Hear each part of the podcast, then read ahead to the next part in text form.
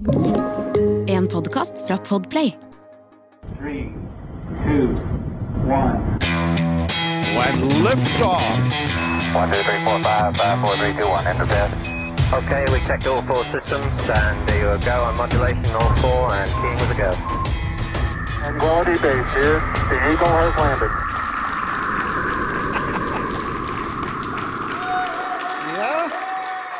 Tenk, tenk hvis vi skulle blitt møtt sånn hver gang, hver gang vi tar opp, Eirik.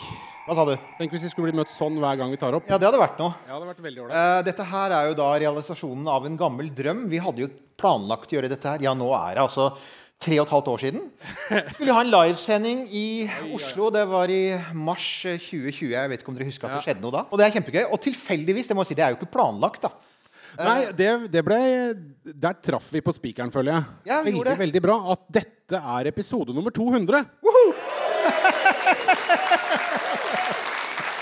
Så, og, og det er Jeg tenker at det er godt jobba av oss. Ja, jeg syns egentlig det. Med tanke på altså, Det er 200 episoder på litt over fire år. Og vi driver fremdeles litt for sånne der knapper og hyssing. Men altså, vi, vi, det går nå rundt, og vi Ja, lager noen episoder. Ja, ja. Og vi, vi får jo prata om romfart. Og så må jeg da si at i en sånn situasjon, da, altså etter, etter disse 199 episodene, så tenker jeg jo at det er For det første vil jeg si tusen takk til alle dere som er her i dag. Og tusen takk til alle dere som kommer til å høre dette som podkast. For det er jo grunnen til at vi fortsetter. Vi, har, vi har en sånn hardcore Altså Det har stabilisert seg litt nå, lyttertallet, men altså, det, det er hardcore. Tusen takk til menigheten. Takk eh, for Ja. menigheten som møtte opp Da- i kirken. Klapp, klapp for dere selv. Og alle som drikker eh, karsk av koppene våre, og som maler i T-skjortene våre. Tusen Og takk eh, til dere også. alle som har på seg Werner von Braun-skjorte, er jeg selvfølgelig ekstra glad for. Og jeg er en sånn trassig fyr, så jeg Ja. tok på meg en annen T-skjorte. For jeg tenkte det er så mange som kommer til å ha på den i dag. Og- Da ja, vil ikke jeg ha det samme. Du ville ikke ha det samme. Jeg og jeg 1202-trøya. skjønte- Først rett før vi gikk på scenen, så skjønte jeg at det der er ironisk ment. Altså, Tattoos are stupid, og så se på armene hans. ikke sant? Det tok litt tid. Satt litt langt inne. Ja. Men eh, vi skal prate litt i dag om Ja, det er jo ikke noe hemmelighet eh, hvem som driver og lurer bak eh, den her. Eh, vi har jo hatt ganske mange gøyale folk. Eh, nå høres det ut som vi skal gravlegges. Det skal vi Men ikke. Men vi skal ikke det. Vi har planer for framtida også. Det kommer til å skje ting. Ganske kule ting. Ja, faktisk. Veldig mye kule ja. ting har vi på plakaten. Noe av dere har dere hørt om i redaksjonsmøtet for Åpen mikrofon. Andre ting eh, kommer etter hvert. Men altså, vi har jo hatt eh, masse gøye folk. Eh, vi- ikke sant? Fra Drammen. Han, i det- han rockevokalisten. eh, Det har vi, og vi har selvfølgelig disse veldig trofaste folka som Pål Brekke fra Romsenteret, Marianne Vinje Tantelo, Synnøve eh, Rose, ikke sant? Ja. Og, og også sånne litt nye folk. Håkon Dale med Webteleskopet. Altså Amran. Rimfax. Og i høyeste grad og selvfølgelig Petter Bøckmann, som skal komme tilbake. Vi, vi jobber med noe sånn derre liv i rommet-tema. Skal vi bare nevne Elon Musk? Ikke fordi at han har vært gjest, men bare la oss nevne Og Werner von Braun er allerede nevnt. Så, sånn, Ja. så elefanten i rommet er nå påpekt. Men han, blir, han, han vil bli omtalt i dag også av dagens gjest. For det er jo et av disse funnene vi har gjort. Altså, no, igjen, Noe av det morsomme med å ha en podkast og invitere folk inn i studio, det er jo å se når altså En person du ikke nødvendigvis har møtt før, og kanskje ikke engang har hørt før, bare liksom lyser opp og har massevis av engasjement og har massevis av kunnskap du ikke trodde du hadde, og så kan bare prate som et fyrverkeri og prate fortere enn meg. Og da, altså, Det er så gøy! Leppa fra Rykken har liksom snakka seg klar med leppa fra verdensrommet som uh, Og det er, er det, da er det på tide å introdusere dagens Nima Shahinian, folkens!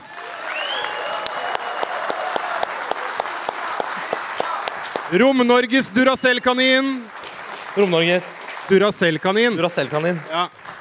Og mens vi da er her, så må vi bare nevne Så har vi en fjerde litt haus en, og det er eh, jury. Jury er på plass. Ja. Og som dere ser, altså dette her er Nima, hva er dette vi sitter og ser på her? Det vi sitter og ser på her, er en romflydd såkalt romdrakt. En ekte såkalt romdrakt som har vært i rommet. Ja. Den har vært på ISS. For en kjapp, kjapp håndsopprekning. Hvor mange her er det som har vært i verdensrommet? Nå må du, nå må du løfte Du må løfte før- Det er han. nemlig. Den har vært i verdensrommet. Med, med noen inni som ikke får lov til å nevne navnet på, men det har vært en ekte levende astronaut i den. Det har det. Eh, som dere ser, så har vi posisjonert han liksom litt sånn nonchalant. Han tar seg litt til rette. Han er russer, tross alt. Og så ser dere også at han altså, altså, Men han er en hund. Ja, det er det. Dette var altså en kvinnelig astronaut som fløy opp til, eh, til romstasjonen. Vi kommer tilbake til den etter hvert, fordi at det er et eh, rom, eh, romdrakter blir et tema her. Og etter sending, hvis dere har lyst til å, å ta på den, på og eventuelt ta en selfie Ta på romdrakta! Hallo, hvor ofte skjer det i livet deres? Jeg, jeg, jeg tenkte OK, altså den, den kom hit i siste sekund, gjorde den ikke det? Eh, Det er en så lang historie. Den skal jeg ikke ta nå. Den ikke fortjener en egen episode. Men vi skylder DHL en takk. For den en skulle egentlig vært der på fredag. Om DHL. DHL Jeg har aldri vært borti et selskap Jeg blir vel ikke sponsa av DHL, men jeg har aldri vært borti et selskap som har jobba hardere for å få til dette her. Altså, Ja. Den kom til Norge i dag etter masse tull i tollen. Først i USA, og så i England, og så i Tyskland, og så i København. Og jeg satt med, med, med flight radar i natt og fulgte med på DHL-flyene. Helt til den landa klokka åtte i dag morges. Klokka ti så lå den i bilen min. Mens jeg var da inne på eBay bare for å se hva en Sokol-drakt faktisk går for der. For eBay selger alt. Og det viser seg at de har altså 1 til 35 000 dollar. Altså nærmere 350 000-400 000 kroner. Men du sier at det er jo ikke engang en som har fløyet i rommet. Nei, og den er ikke space-rata. Så, Det er ikke så den er ikke lagd for å flys i Så rommet. denne her er verdt mye mer enn det. Så nå veit dere hvilke muligheter som gikk tapt. da Når vi satt der inne, og den satt her helt aleine. Den har en, den har, Det var det huslånet, ikke sant? Den er forsikra for 75 000 dollar. Ok, Eller der 50 000 ser kroner. Men eh, gi meg bare sånn kjapt før vi gir noen ideer her. Hva var det du dreiv med f før du begynte med romveiegreiene? Rom, altså, da drev jeg med industridesign. Nei, nei, før det. Da var jeg militær. Ja, nettopp. Takk. Det er bare sånn hvis Å ja, ja, ja. ja. Altså, noen fikk noe Jeg finner dere. Ja, Du- ja. Du, var, var, du var vel ikke helt vanlig militær heller? var du vel? var ikke helt vanlig militær. Jeg var litt mer enn vanlig militær. Eh, og så har jeg litt operasjonstid i Afghanistan og sånn. Så, så jeg, har, jeg har trent på å finne folk. Du, det. Så bare prøv å ta den drakten. Men um... Kan man si det etter å ha vært i Russland? Hva? Kan man si det etter å ha vært i Russland? At jeg har trent på å finne folk? Ja, det kan du. Du kan jo egentlig det. For, for greia er, altså, Du har jo da en litt uvanlig bakgrunn uh, for å komme inn i Space Gamet. Vi skal snakke mye om hva du holder på med i romfart. Vi, vi, vi har litt uh, snacks eh, på skjermen her, så bare sånn for å sette stemninga for liksom, Ja. hvor Nima kom inn i våre liv og, og, og tok oss med storm og, og ble en kjær venn. Eh, s- en fyr som hadde holdt på med Nils Johan? Ja, litt. Eh, som, Stemmer, du er den følsomme av oss, og det er bra. som holdt på med ting eh, i hemmelighet, i det skjulte.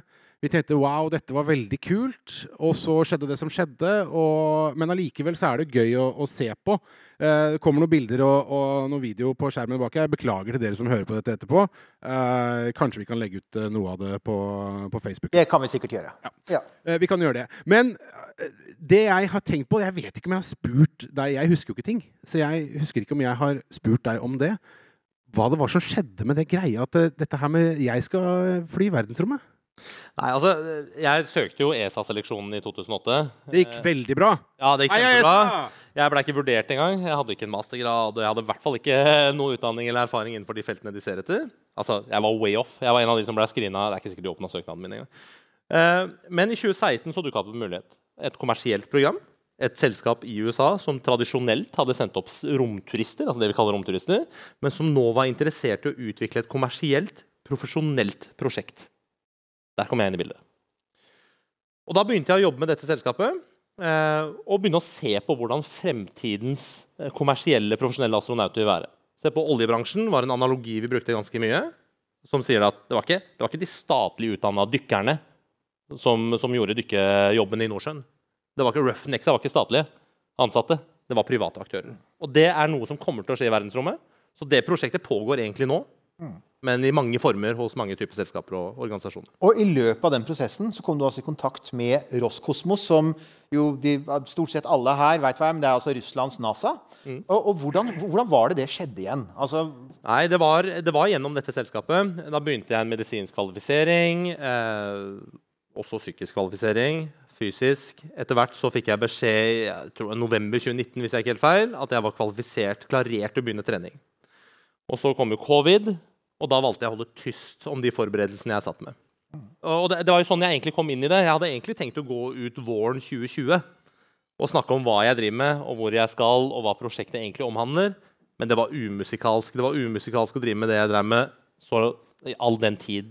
Sett i lys av det som skjer etterpå, så var det vel ikke umusikalsk, det var kanskje bare litt grann falskt. Ja, men sett i lys av det som skjedde etterpå, så hadde det vært rimelig umusikalsk og blitt der, da. Ja, ja, ja, ja, ja, ja. Så, så det, det er et prosjekt som har vært hatt det. Men, altså, men sånn sett kan du si at dette prosjektet ditt har vært veldig påvirket av sånne ytre omstendigheter som ikke du hadde noe kontroll på. Så først kom covid og skapte stor forsinkelse. Og så er det da tidlig i 2022 så er du, så er, du er det i Star City, altså stjernebyen i Moskva, og du driver og, og ja, tester romdrakter og er Ja, da, da, da trente jeg. Da Ja. trente jeg for alvor. Eh, Jeg gjorde ferdig den utdanningsdelen min. De modulene gjorde jeg ferdig i jeg tror det var rundt februartider. Februar, kanskje tidlig mars. Jeg husker ikke helt når det var. Men, eh, men da gjorde jeg ferdig de modulene. Og, og de modulene betyr da trening i en helt lik romdrakt som den her. Mhm. Som også for øvrig er i Norge. Men den sitter fast i tollen. Det har den gjort halvannet år. Og det er den som er sydd til meg, etter mine mål. Grunnen til at den er i tollen, er for at da russerne sendte den i ettertid, for den er jo mitt odel eie, så sendte de med ny nyprisdokumentasjon. Ja. Så tollvesenet mener at jeg skal betale eh, moms Ja. eh, nei, Ja, moms på sånn og, og tolldeklarasjon og ganske mange millioner kroner. For vi snakker om at de her er verdt eh, 75 000 dollar og sånn. Ja. Ny så er de verdt noen millioner. Så da bare betaler du det, da, eller? Da bare betaler du det. Ja. Men da trente jeg i sånn type romdrakt som dette her. Jeg kjørte simulator, jeg ble sertifisert til å fly Soyuz. Eh, og trente til den første kommersielle spacewalken. Så jeg har jo x antall timer trening i Orland-drakt også, som er den store chunky Den med dør. Den med dør og med dør bak. Den du ikke vil inn i hvis du er klaustrofobisk. Det er helt korrekt. Ikke sant? Eller en litt over gjennomsnittet stor mann som det. Det er trangt. Ja, vi skal komme tilbake til det uh, etterpå. Uh, 16 ukers Nei da, ikke, ikke det. Men, men så skjedde det som skjer, og det, det vet vi jo uh, alle sammen. Historie. eh, vann under brua og spilt melk og alt det greiene der sånn. Og så kommer du med den beskjeden om at ok, sorry, folkens. Pga. at eh, Russland, Putin, er en sokk og ting går åt skogen, så eh, takker jeg for meg. Og så tenkte jo da folk med sånn normal skepsis og normal altså jeg vet ikke, pragmatisk verdensanskuelse, sånn som jeg, da tenkte jeg men fader, det var synd nå var over. Det er aldri over før det er over. Nei! Ja, det var det. For eh, Nima setter inn bare nye batterier. Ja. eh, og, og gønner på. Og så begynte det litt sånn forsiktig, men det, det har jo est greit. Ja, eh, altså Det var ganske mange tilfeldigheter som skjedde samtidig. her. En av de tilfeldighetene var at ESA European Space Agency, hadde en seleksjon av den nye klassen astronauter som ble valgt i november i fjor. Det var Det gikk igjen kjempebra, som vi vet. Eh, Ja, det gikk kjempebra. Kan jeg bare er få lov til å rante litt her? Altså, det, Den obligatoriske ranten at det ikke er noen norske som er på, blant kandidatene. Altså Akkurat nå så er sjefen på den internasjonale romstasjonen er hvem? Han er dansk! Og hva, hvordan pleier du å uttale navnet hans? Andreas Mogensen! Ja, Trivelig kar. Vi har, har jo hatt han som gjest i podkasten. Her om dagen så lagde han sjokolademos i den internasjonale romstasjonen. Så danskene lager sjokolademos, og vi er ingen steder. Og jeg syns det er en skandale. Kan jeg bare få sagt det? Tenk hvis vi kunne kjenne lukta av fårikål spre seg på ISS. Nemlig. Det hadde vært Vektløs fårikål. Jeg sier ikke mer. Det er mer enn bare fårikål. Lover jeg. ja, okay. Jeg er jo iraner, så jeg må ha litt iransk mat også. Ja. Iransk-norsk. Jeg må finne sånn iransk-norsk fusion Fårikål med noe med noe safran. Så Jeg gleder meg. Eh, Det får jeg dessverre aldri oppleve. Det var synd. det, det høres digg ut, da. Ja, det var synd. Kan du selge det på sånne dry packies etterpå? Ja, jeg gleder meg masse til det.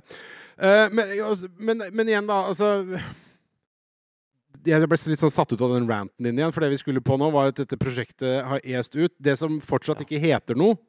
Det som fortsatt ikke heter Ja, noe for nå, nå kan vi komme til sånn, dette er det nye, for de, de av dere som er faste lyttere, og det er, jeg vet er en del av dere, har jo hørt en del om dette mer i detalj. Ja. Men siden du er du, så har det jo skjedd mye siden du var hos oss for to og en halv time siden. ikke sant? Ja, absolutt. Men, men det er veldig viktig å spole litt tilbake. For at mens jeg fortsatt var i Russland, så hadde jeg en drøm om å gjøre det vi den gang kalte Parastronautprosjektet. Det begynte mens jeg fortsatt var i Russland. Ideen var å kvalifisere, utdanne en person med funksjonsvariasjon til å reise til verdensrommet sammen med meg. Det var en av ideene vi jobba med sammen med russerne. Russerne sa grønt lys til det. Så russerne hadde lyst til å være med på det. Parallelt så foregikk dette, dette, denne ESA-seleksjonen. Vi hadde en liten liste over hvert fall de toppkandidatene som vi var veldig nysgjerrige på. Terje Sæle og Nils Mykleby var de toppkandidatene som var der. Som vi var ganske sikre på at kommer til å komme inn i opptaket. Ja, det gjorde de jo ikke supersupert, det. Ja, men det, det som, det som hindra det, tror jeg Det er ikke sikkert Terje og Nils er helt enig i det. Jeg tror de er enig i det, men jeg tror nok det er, det er veldig mye politikk som gjorde det. Altså, dette er topp, topp, topp kvalifiserte mennesker som er the best of the best. Captain America, best of the best. Captain Norway. Um, ordentlig gode kandidater, men vi hadde våre øyne på de her og hadde lyst til å rekruttere de inn til oss dersom de dessverre ikke skulle komme. For jeg, På en side så heier jeg ekstremt mye på norsk ESA-astronaut. Det gjør jeg fortsatt. Det betyr mye for meg. Vi har ranta om det tidligere. Samtidig så håpa jeg på å få disse ekstraordinære menneskene. ikke sant? Det er så velgjørende å høre deg si det. altså Det roer jo meg, da. Ja, ja. Nei, vi Jeg er, har vært sint på dette i veldig mange år ja, nå. vi er jo enige. Ja, ja. Men, eh, men, men så, så blei det sånn at politikken hindra det. eh, Det er ganske mange faktorer som gjør det. Så, så vi tok kontakt. da. Jeg tok kontakt med både Terje og Nils. Eh, vi fant kjemien ganske tidlig. Eh, disse kara her er jo, er jo leger, eh, vitenskapsfolk. Eh, og prosjektet utvikla seg til å handle om et medisinsk-vitenskapelig prosjekt som er så høyt der oppe som det kan få blitt i disse dager. Det er det synsprosjektet, er det ikke det? Det er det som heter SANS. Ja. Space Associated Neuroocular Syndrome. Og si, kort si hva det er. Veldig kort fortalt, nå tror jeg Terje sitter i salen her et sted. Er Terje her? Er, er, Der er Terje, folkens! Der er Terje. Det er litt Ja, rart at han sitter ved siden av er Johannes, som også er lege. Og også har vært i Altså, her er de, vet du. Okay. Ja, her, her, det er Ja. Men, men arrester meg hvis jeg tar feil, Terje. Terje har prøvd å lære meg det her lenge. Jeg tror jeg har lært det.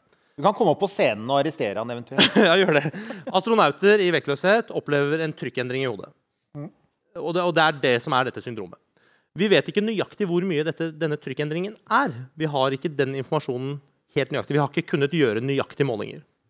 Terje har laget en forskningsabstrakt som omhandler å operere inn en sensor inn i ryggmargen. Gjøre et invasivt inngrep. Stemmer det, Terje? Kan ikke du nikke hvis det stemmer?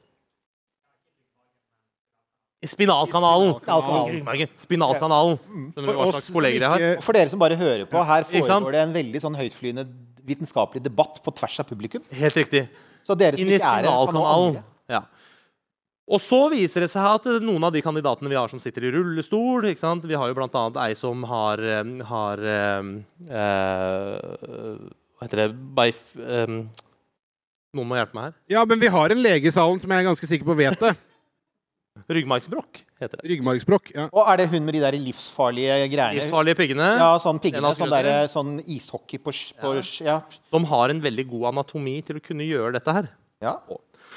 Så dette prosjektet her omhandler nå en flyvning til verdensrommet sammen med altså, fire nordmenn. Å utføre og gjennomføre en sånn type, et sånn type invasivt inngrep og gjøre en korrekt sansmåling for første gang.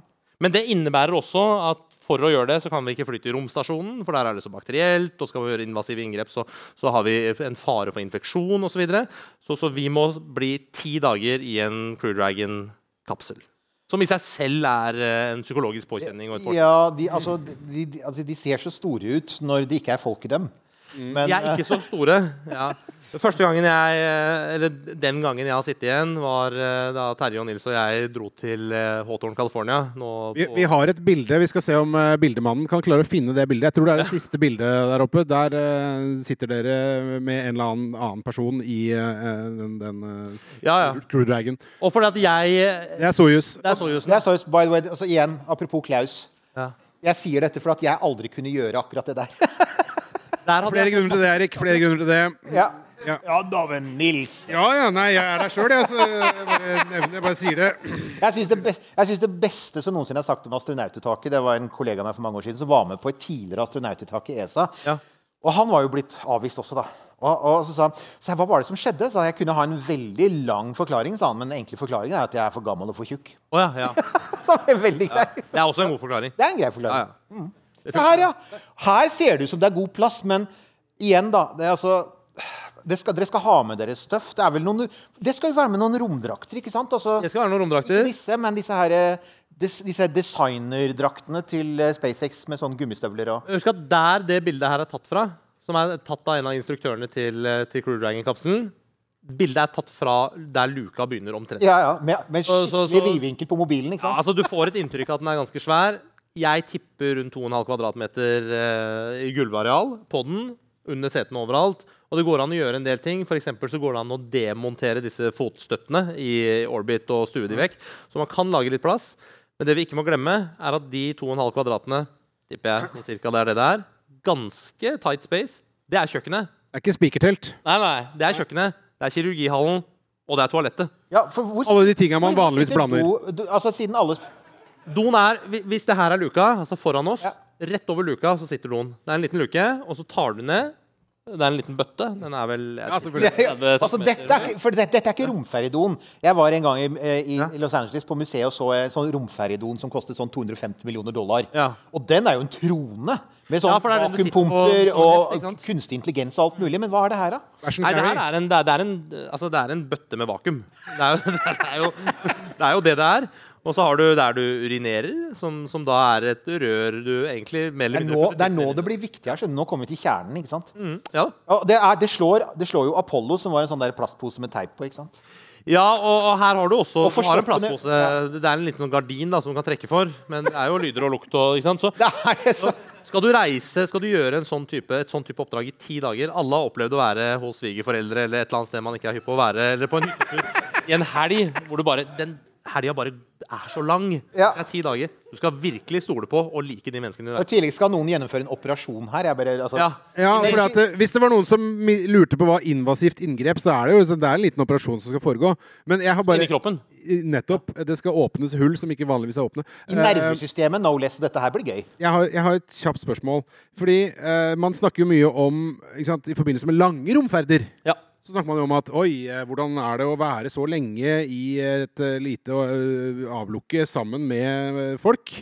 Og det har man gjort tester på. Man har hatt masse sånne eksperimenter på disse folk som har oppholdt seg i en sånn liten iglu ute i, ute i ørkenen i et år og sånne type ting. Har dere testa å sitte på ei celle i varetekt i ti dager? Nei, vi har ikke testa det, men, men, men vi har snakka om det, og det kommer helt klart Det er til å være veldig en del av gjennomførbart at det er ti dager. Altså, ti dager er sinnssykt lenge. Det er sinnssykt lenge sånn å være på så trang space. Ja. Mye lenger enn det man tror. Ti dager er ordentlig, ordentlig lenge. Langt borte. Kjempefarlig. Vi skal gjøre ganske mye ting. Vi er opptatt. Du får aldri noe privatliv. Ingenting.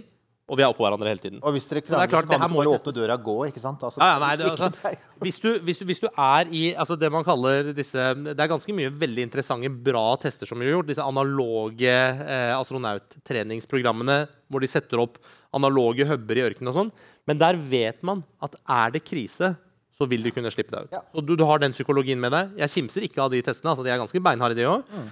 Men i dette tilfellet her så kan du ikke åpne døra og gå. Du kan ikke abortere oppdraget heller. Du er der oppe. Jeg tenkte jo på det der, for at du gjennomførte jo annet en sånn der eh, var det, Hvor var det for noe? Det var 1000 dager, eller hva det var, i- Moskva. Ja. eh, I Stjernebyen. Og der hadde de jo en sånn der rør hvor de plasserte noen etter hvert veldig molefunkne russere. Ja, ja. Men, altså, men, ganske de. de. Ja, de, ja, ikke sant? De ble nok slitne. Men tross alt da, så var det liksom sånn De hadde alltid det at de vet at åpner du døren og setter deg i bilen, så er det en bar et par timer unna. ikke sant? Ja, ja. Så det er ikke 250 millioner kilometer og tre år til neste gang du ser noe. Nei, det er ikke det. det, er ikke det. Sånn, det er veldig annerledes. Marshenvisning. Ja. Det vet jo dere. Så, så vi kommer til å, vi har, vi har snakket om vi kommer til å sette opp mockups, og vi kommer til å teste dette her, og vi kommer til å være ordentlig forberedt når vi gjør det. Vi kan ikke ta sjansen på at noen klikker i den romferga, eller i, i Dragon, da. Men jeg, men jeg tenker, altså, det, det går jo an å ta seg sammen i ti dager. Det er ikke helt sånn Altså, vi hvis, fungerer. hvis Terje her begynner å bli litt sånn agg på, på Nima, Da kommer Afghanistan-erfaringen Og han- han inn. med så ikke- blir litt ikke- agg. Ikke bekymre deg. går det an å liksom, Det går jo an å ta seg sammen lite grann. Jeg tror ikke det er Terje som hadde blitt Dag. Ehm, han er altfor rolig. Han er sørlending. Helt sånn lugn hele tiden. Men dette er jo noe Nils kan også veldig rolig. Nils er litt mer Han kan bli litt mer hissig. Han blir litt mer emosjonell. Og jeg. Ja. Jeg tror, jeg tror de som kan bli litt agg, litt grumpy, tipper jeg er Nils og meg. Faktisk. Tipper jeg. Ja. Jeg tror det er hos oss det ligger mest, egentlig. Men, men så, og det er jo et prosjekt Vi har jo for snakket om dette prosjektet også i en episode. Og, så, og det prosjektet er fremdeles under utvikling. Er det sånn å forstå? Ja, altså Vi, vi har ikke begynt eh, Terje og Nils eh, og Lena, som også er lege, har skrevet abstrakten på prosjektet. Nå går vi inn i en fase hvor vi skal utvikle en enda dypere prosjektplan. Og så en prosjektbeskrivelse. og så kommer Vi til å, altså vi har ikke begynt den konkrete utviklingsjobben ennå. Abstrakten er gjort. Vi vet hva vi har lyst til å gjøre. Vi er i dialog med mange om å gjøre det. Vi er i pengeinnhentingsfasen. Men prosjekt, altså det vi prøver å gjøre nå, er å lande de siste pengene vi trenger for å faktisk begynne å fysisk også utvikle pro prosjektet. For det skal jo utvikles en del utstyr og planlegge. altså Det er ganske mye som skal gjøres her. da. Men bare sånn for eh, sånne som meg, sånn at jeg kan Kan det skje? Vel, det, er som du sa i stad. Vi bytter batterier, og så går vi videre. Og det er, eh, det er, jeg har en filosofi, og jeg tror det er derfor den gjengen vi er nå, jobber så godt sammen sånn som vi gjør. Vi er en ganske stor gjeng. Altså, vi snakker om en liten knippe folk som skal reise, men vi er et betydelig mye større team som sitter bak dette her. Som, som jobber beinhardt for å få det her til å skje. Vi er jo et fantastisk team. Og samtlige har den holdningen at OK, vi møter motgang, og så krummer vi nakken, og så går vi videre. Det er det vi gjør. Så, så eh, ingen har tenkt å gi seg. Hvis vi ikke hadde hatt helt tro på at dette kommer til å skje, så hadde vi ikke gjort det. For det vi gjør, er å jobbe 20 timer i døgnet. Vi jobber veldig, veldig mye. Og så er det jo en annen ting her, og det har vi også vært inne på mange ganger. Jeg, jeg har litt sånn callbacks til tidligere episoder, men det er episode med 200, så jeg tillater meg det. Eh, og det er jo at romprosjekter tar tid. ikke sant? Absolutt. Altså, Mitt favoritteksempel der er jo New Horizon, som suste forbi Pluto i 2015 og tok masse fantastiske bilder. Uh, jeg leste boka til Alan Stern, som er principal investigator, altså han som fremdeles også leder prosjektet. Det, New Horizons er der ute og skal jo fremdeles forhåpentligvis kanskje se på et objekt til.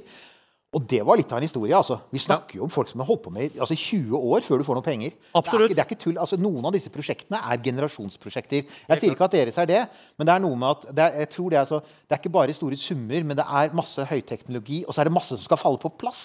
Ja. For du må jo også ha en rakett. da. Det er jo også det. Altså, Altså, i, i- dette tilfellet, da. Vår Kanskje. romprosjekter tar tid. Veldig mange astronauter som trener til å reise til rommet, må vente syv. Det fins eksempler på folk som har venta ti år og lenger. for å ja, ja. Det som er veldig viktig å presisere, er at av de Man snakker om at det er fire virkelig store røde flagg som må løses. Eller vi må forstå, og vi må løse før vi kan reise dypere inn i verden. Altså, Det ene er grasrotandelen. det ene er grasrotandelen. Nei, ja, men men, men, men det, er, det er ting som omhandler stråling og sånn. Men ett av de røde flaggene, et av de fire røde flaggene, f.eks. til å reise til Mars, er å finne ut av sans. Finne ut, gjøre den trykkmålingen. Det beste som kunne skjedd, er jo å finne ut at ja, men det her var ikke så farlig som vi trodde. Kult, nå kan vi bare reise til Mars. Men vi kan ikke dra på så lange romferder uten å finne ut av. Det vil si at det her er et av de prosjektene som veldig mange kommer til å jage. Så hvis Norge skal eie det prosjektet, hvis vi skal være den nasjonen som åpner den portalen til dypere space, det er ganske stort, Det er det. så må vi kjappe oss. Og det er Nå hadde jo, du tatt på deg dressen og sto på et eller annet sånt uh, politikermøte og prata Jeg er på mye politikermøter. Jeg har ikke hatt meg dress ennå. Oh. Nei, Jeg har hatt meg litt finere bukser og sånn, det har jeg, men, men ikke dress ennå. Men, men vi, vi snakker med masse politikere. altså, det, altså det, det er jo store summer, men det, i størrelsesorden så er det vel i sånn nabolag av noen av de samme summene som vi nå f.eks. har brukt på Andøya. ikke sant? Altså, Space er dyrt. Og vi har allerede, det, er jo det skal jo sies, det er jo en av de veldig interessante tingene med Andøya, som vi kommer tilbake til med mye mer i løpet av høsten, sannsynligvis, er jo akkurat det med at eh, vi har begynt å gå litt tungt inn i veldig sånn konkrete, langvarige og kostbare space-prosjekter. Og det indikerer jo at det kanskje er nå begynt å bli større vilje for det. kan jeg si at vi som har vært opptatt av romfart noen uh, hundre år, Mm. vi, vi vet jo at det har ikke vært veldig veldig stor interesse for dette i, i, i Norge. Det har det jo dessverre ikke. Altså, altså Folkelig interesse via Erik Tandberg og sånn, ja. Men politisk sett så har det jo vært mye oppoverbakke. Vi, vi tror at vi kan endre det med vårt prosjekt. Ikke sant? En ting er å ta den medisinske forskningen og eierskapet til det og, og virkelig bidra til, til rombransjen globalt, men vi tror også at det vil bidra til å øke interessen for space. Når det er sagt, den summen Vi kan være helt ærlige om det. Vi trenger litt over en milliard. Ikke sant? Og så kan man tenke at en milliard kroner Sinnssykt mye penger. Men så må vi aldri glemme at Petter Stordalen brukte 2,5 milliarder kroner på å pusse opp et visst hotell som heter Sommero på Solli plass. Og vi, spre, vi, vi sprengte et budsjett på en eller annen tunnel som ble gravd under Stortinget med x antall milliarder. Ja, ja, ja. Og vi skal flytte en uh, trikketrasé uh, jeg vet ikke, 20-30 meter eller noe sånt. Altså, én milliard er veldig lite penger i forhold til det vi Det er veldig gøy at du har kommet til en verden hvor du kan si sånne ting som det, Nima. Men det er jo riktig. Ja, nei, det er ikke så gæli. Nei, det er ikke så er så Nei, jeg syns ikke det er så gæli. For å etablere eh, Norge altså, Nei, jeg, jeg, jeg heier på det. Altså. Jeg bare, det er, det er Det vet jeg at du gjør. morsom, Nei, altså, vi- setning, vi å, har- morsom setning å si. Men det er liksom, vi går litt sånn fra øl og pølser til champagne og kaviar. Det er det du egentlig sier. Det er, litt, Ja, ja. Det, er det vi er på vei mot. Og så har vi takka nei til masse penger. Vi, vi blei kontakta av en, av en østasiatisk eh, privat investor og i sommer, altså rett før sommerferien. Det ble jeg jo faktisk eh, tidligere i dag. Ja, gjorde det? Ja. Har i hvert fall tre Men det her var real shit. Ja, okay. ja, ja, altså SpaceX hadde screena vedkommende og vært i dialog i mange år. Eh, og vi blir linka til denne personen som tilbyr å gå inn med, med noe sånn som halvannen milliard norske. og han har lyst til å reise selv. Og, altså det er et sånn type prosjekt hvor, hvor, hvor dette er, altså vedkommende ønsker å reise til space, men trenger et prosjekt å, å lene seg til. Ikke sant? Fordi at eh, SpaceX Det er masse politikk i dette. Ja, Poenget er at det, etter flere samtaler Vedkommende fløy til Norge. eh, jeg hadde møte, datteren min, Yngstedatteren min Micaela og jeg hadde møte med den fyren her. Heldagsmøte i München på vei ned til sommerferie til familiestedet vårt i Italia. Hvor han fløy inn. Vi hadde en uke etterpå møter i NIS. Så vi hadde liksom møte med samme fyren i Europa. Og så fant vi ut at dette samarbeidet må vi bare avslutte. Vi kunne tatt penga, vi kunne flydd. Det er ganske mye vi kunne gjort, men det hadde ikke blitt riktig for prosjektet vårt i det hele tatt. 1202. Men eh, da, da tenker jeg sånn Det er artig at du skulle nevne kaviar. Er det noen kaviarpenger i det prosjektet deres, eller er det Det er ikke noen kaviarpenger er ikke noen kaviarpenger der? Nei. Nei, for nå, du, du skjønner hvor jeg vil? Du vet hva jeg tenker på? Ja, ikke sant? Ja, ja. Det er han kaviarfyren som har mye penger? Ja, ja, ja. Ja, nei, jeg bare, jeg bare lurte. Ja. Bare, Det hadde vært kult. Men, men altså, det, det, er, det der skjønner jeg ikke helt, for jeg er litt sånn hore. Eh, jeg skjønner ikke helt det der. Vi er det lov å si, eller? Ja, det er lov å si. Det er lov å si. Når Ja. jeg sier det om meg sjøl, så er det greit. Ja. Eh, men altså, her vi, her vi hadde, var en fyr han som synger Gangnam Style, som tilbød oss 1,5 milliarder. Mm. Og så takka vi nei, fordi det ikke var riktig. Den følelsen der skjønner jeg ikke helt. Nei, altså Hva er det som er gærent med 1,5 du, du trenger en milliard, og her fikk du det og mer til? Altså, Ja, det ja, absolutt. Og det- det- for det første så har det noe med kjemien med vedkommende å gjøre. Ikke sant?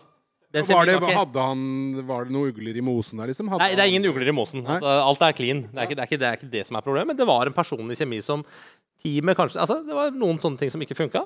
Det er helt greit. Sånn er det noen ganger. Men det handler mer om politikken. For vi kunne tatt de penga. Vi kunne utvikla det samarbeidet mer. Det kan jo hende at det hadde krasja og brent et annet sted i den forhandlingen. Det vet vi jo ikke. Men der det så ut, så så det veldig lovende ut en periode på ja, en måneds tid, tipper jeg. da, Fra noen middager eh, og til konkrete forhandlinger og møter. Um, personen er fortsatt interessert i å reise. Personen er fortsatt i dialog med SpaceX. Men hvis vi tar imot de pengene, så kan vi glemme å kunne samarbeide med norske myndigheter seinere, tror vi. Ja.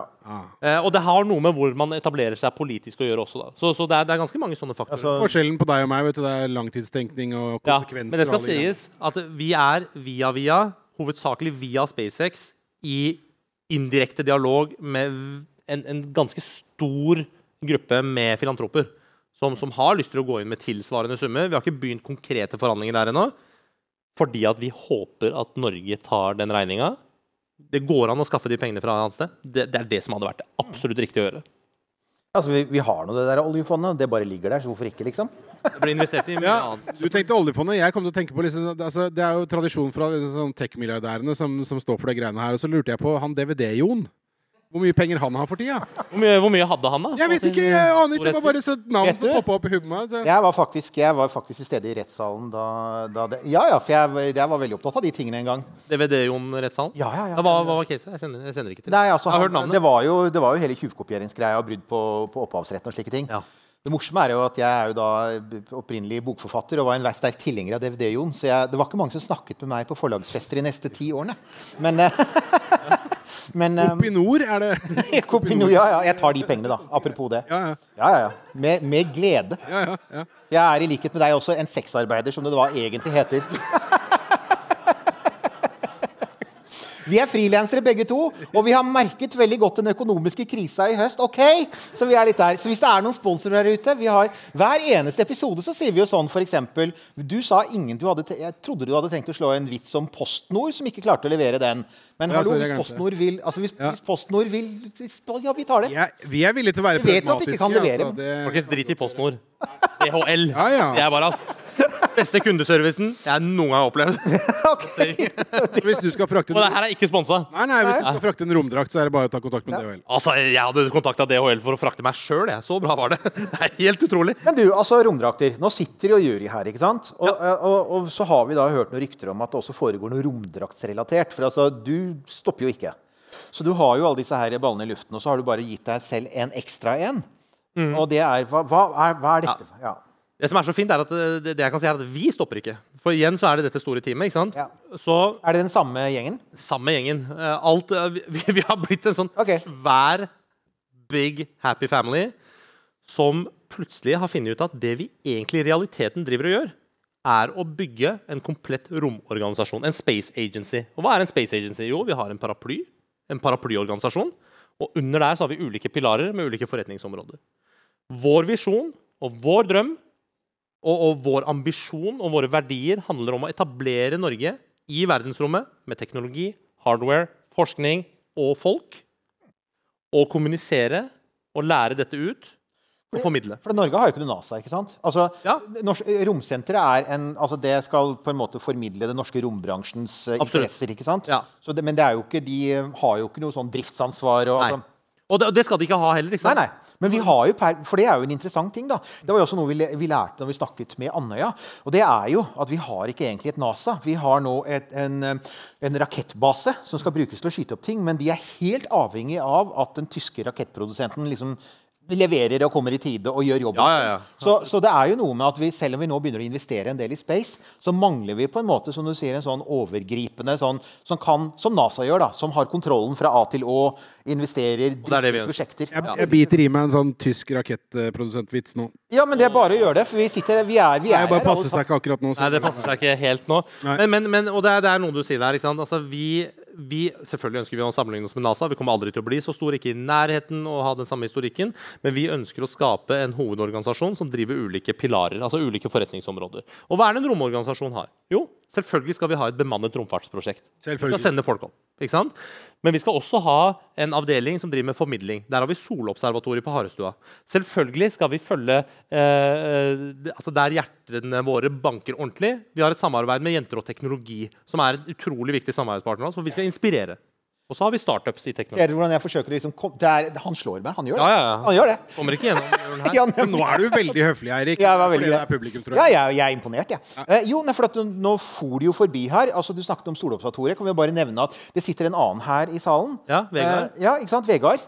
Eh, som da eh, noen av dere nå vet om, fordi at eh, dere har hørt en sånn sponsorgreie. Det var helt tilfeldig. Vegard er her som, som, som alle dere andre. Vi har ikke gitt han noe spesielt. Vi gjør ikke sånn med sponsorer, vi.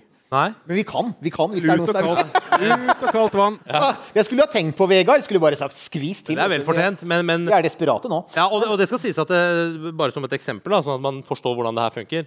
Når jeg sier at vi er en stor familie, så er det ikke sånn at Vegard bare jobber på Solobservatoriet. Nei. Vegard jobber like mye med det Vegard, altså, det er astronomen ikke sant? Det Ja. men det er en del av det dere holder på med. Så det, det du driver og gjør, er at altså, hvis vi snur oss rundt og prater med noen, så er du allerede i forhandlinger med dem. Det er egentlig det du sier. Det er basically det jeg sier. Men en annen ting en ordentlig romorganisasjon trenger, Ja. er produksjon av romdrakter. Så vi Ja. har nå starta en spacesuit-startup. Vi har begynt veldig tidlig designprosess, men ideen vår er innen de, de fleste i teamet vil si eh, ett år, jeg sier seks måneder. Innen seks måneder nå er det noen som eh, vrir seg i stolen her. Innen seks måneder skal vi lansere et konsept på Hvor mange folk har du egentlig her i salen? Det er sånn, Den store familien din begynner å høres litt sånn, litt sånn creepy ut. Er Nei, sånn. de tilgir meg, de tilgir meg veldig mye. Okay, okay. Så, ja, alle bor en på en sånn gård ute i Ja, ja, nemlig. Sånn derre Møtes på kveldinga med sånn liten papirkopp med noe greier oppi. Men det er jo min nye hypotese om hele Mars-prosjektet til Musk. At egentlig er det et forsøk på å lansere en kult på Mars. ikke sant? Ja, ja. Det tror jeg òg. sånn, så jeg tror det er noe, det, så er det, liksom, det er det vi gjør her òg, ikke sant? Men, men altså, altså, for det er jo en ting som vi hadde Vi har prata litt om det eh, før også, dette med at det er jo genuin interesse for romdrakter nå. For vi skal jo bl.a. tilbake til månen. Ja. Og NASA dette har jo, Vi får ofte det spørsmålet ja, men hvorfor har vi ikke, ja, men kan vi ikke bare bruke Apollo-draktene. Fordi folkens, de gikk i stykker etter ca. ti dager. Så var, Ja. så var foringene begynte å falle fra hverandre. Morkna, Og det var jo fordi at de var jo bygd helt fra scratch. Og det forstår vi. De gjorde en fantastisk jobb med tanke på liksom, at det var første forsøk. De kan vi ikke bruke. Og så kan vi heller ikke bruke disse eh, EVA, EMU-en. EMU, den der amerikanske som de bruker til å gå utenfor eh, romstasjonen. Ja, så de må ha noe helt nytt. NASA har nå liksom trukket seg ut av det og gitt det til private. Er det ikke, det? Er det ikke sånn? Ja, NASA, NASA drev en utvikling av det de kaller XEMU, som er Exploration eh, Extravehicular Mobility. Og det så ut som noe fra Robocop, bare for sagt det. Helt det var helt vanvittig med sånn der. Forskjellen, på kul, det, ja, forskjellen på det og det vi bruker i dag, er det man kaller en planetær romdrakt. Den er lagd for å gå på, på bakken et sted. Og skremme små barn. Men gå på bakken et sted. Og, Og skremme små barn. og skremme små barn. Ja, har, har du sett den? Nei, ja, Ja, ja. Ordentlig. Jeg ble skremt i hvert fall. Men, men NASA drev dette E XEMU-programmet ganske lenge. Mm. Eh, og fordi at NASA er NASA, og fordi at NASA er forplikta til å involvere x antall produsenter, så endte de til slutt med å ha over 3000 ulike leverandører av komponenter knytta til ett romdraktutviklingsprosjekt, som sprengte budsjettene. Ja, gjorde det. 3000 er det som er estimatet. Ja, sprengte budsjettene med, med, vi snakker milliarder. Mm. Til Var slutt kost pluss? ja, så til slutt så gikk de ut med dette anbudet. Eh, og den som vant anbudet, var Axiom Space. Som egentlig fikk alt arbeidet og researchen NASA hadde gjort. Så brukte de et års tid på å, å, å slanke den ned litt og gjøre den litt mer sexy. Og så lanserte de konseptet sitt. Og har gjort en veldig god jobb.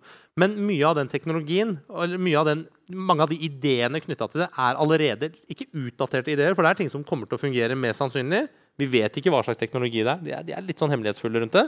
Men allikevel så tror vi at vi kan lage en betydelig mye mer innovativ romdrakt. Og så kan noen spørre seg Liker den holdninga der! Ja, ja, selvfølgelig. Vi skal lage verdens beste romdrakt. Ja, men altså, Det er jo litt kult på en måte. For at du har jo rett i altså, at for noen sier ja, romdrakt-startup. Ja, men som vi vet, startuper i USA i, i spacebransjen er veldig avhengig av NASA. Ja. Eksempel Crew Dragon er jo 50% basert på, på NASA-forskning. ikke sant? For eksempel varmeskjold og veldig mye annet er jo det. Mm. Så det slo jo meg også. at det der, Da jeg hørte om det, så tenkte jeg men det er jo egentlig en ganske god idé. da, For at da har du Du kan starte litt med blanke ark. Ja. Og så, og så kan du Og jeg antar at det er det dere skal? Vi, vi skal starte med blanke ark. Vi henter en del ideer fra erfaring. Nå har jeg ganske mange timer i Orland-drakter og er tilfeldigvis industridesigner av yrke. Vi har eh, leger og kompetanse i teamet som kan disse tingene her, som omhandler trykk og, og innemiljø og sånn. Et av de store spørsmålene som jeg er helt sikker på at opptar folk i salen her også, er for at det finnes to konsepter for romdrakter. Dette er det standardiserte, og det er i praksis det er en ballong. Ja. Det er jo en gummi. Vi skal, vi skal se på dette etterpå. Vi kommer til det. altså. Den skal, mm. Jury skal ikke bare sitte her og liksom sånn Nei, nei, nei. tise dere. Og, og det er, altså, så det er en, en, en gummiblære eller en Jurianne. Hva? Det er dame. Ja, Jurianne. Ok, der har vi det. Ja. Det var så fantasifulle vi var der, ja. Ja, Det er nå- kvinnelig nå- astronaut Nå ser vi at folk forlater salen, så da vi må bare Nei da. Men, eh, men uansett, da, så er det jo det finnes det, det, Du har dette ene hovedkonseptet med en romdrakt som er en Du fyller den med luft, og så er den som en ballong, og så må du passe på at du kan bevege armer og bein. Det andre er, og dette har man holdt på med siden 50-tallet, det er de dere har sett i Marvel-filmer. Det er de tettsittende. ikke sant? Det er de som er, hvor du bruker trykk. Og det er basert på blant annet, er det ikke piloter som har sånne trykk Jo, jo. Som, sant? Hvor du, altså, som klemmer hardt mot kroppen. Og det kan også funke. Ja. Og det, jeg vet jo at det er veldig mange som sier at hvis noen skal gjøre noe innovativt nå, så er det å forlate ballongkonseptet Ja. og gå for disse her som ikke bare ser mye kulere ut, men som selvfølgelig gitt kroppsbygning også er mye mer flatterende. Absolutt. Vi, Alle ser ut som Michelin-mannen i disse her. Det kan vi komme ikke forbi. Nei, nei, det, det kommer, altså, jeg, jeg har sittet i ganske mange timer i de her oppblåst. Altså. Ja, ja. Jeg vet akkurat da- Du, du, du ser ikke bare ut som Michelin-mannen, du føler deg sånn nå. Ja. Men, men så er det mange som kan spørre seg men hvorfor i alle dager skal dere gjøre en, en, en spacesuit tech startup. Og Der er det viktig å forstå litt tall her.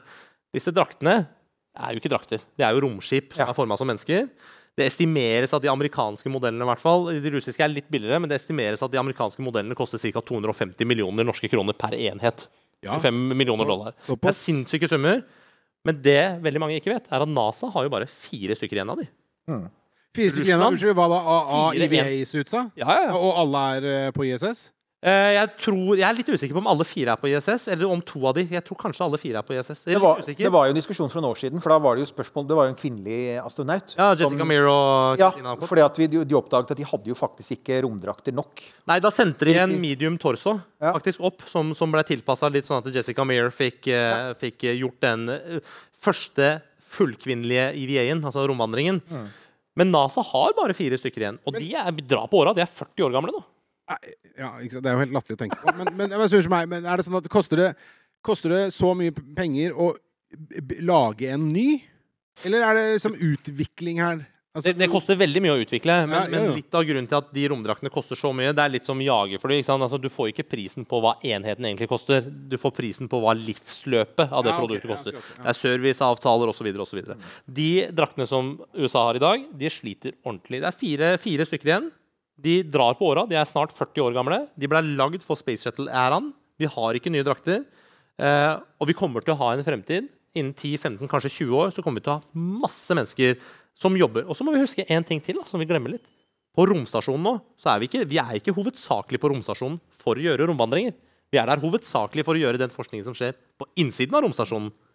Men det å dra til månen handler ikke om å gjøre forskning på innsiden av Nei, da skal du ut, ikke sant? Da skal du ut Og det, hver dag. og det er jo heller ikke så veldig lenge til man skal dit, ifølge NASAs planer. Men jeg, jeg tror på si, ja, det kan nok ta noen år ekstra. Absolutt. Men, eh, men det er Hvorfor skal det ta noen år ekstra? Er det noe spesielt? eh, Nei, jeg tror ikke det tar noe. Det var- det? ja, Nei, det er litt sånn. Ja, litt forskjellig. La oss ikke snakke om det. Elefanten i rommet. Så det er, et, det er et enormt marked for romdrakter. Ikke minst så er det et enormt behov. Og viktigst av alt, det er et enormt behov for ordentlig bra romdrakter. Og vi tror at vi er de eneste i verden som kan gjøre det. Ja. Nei, men altså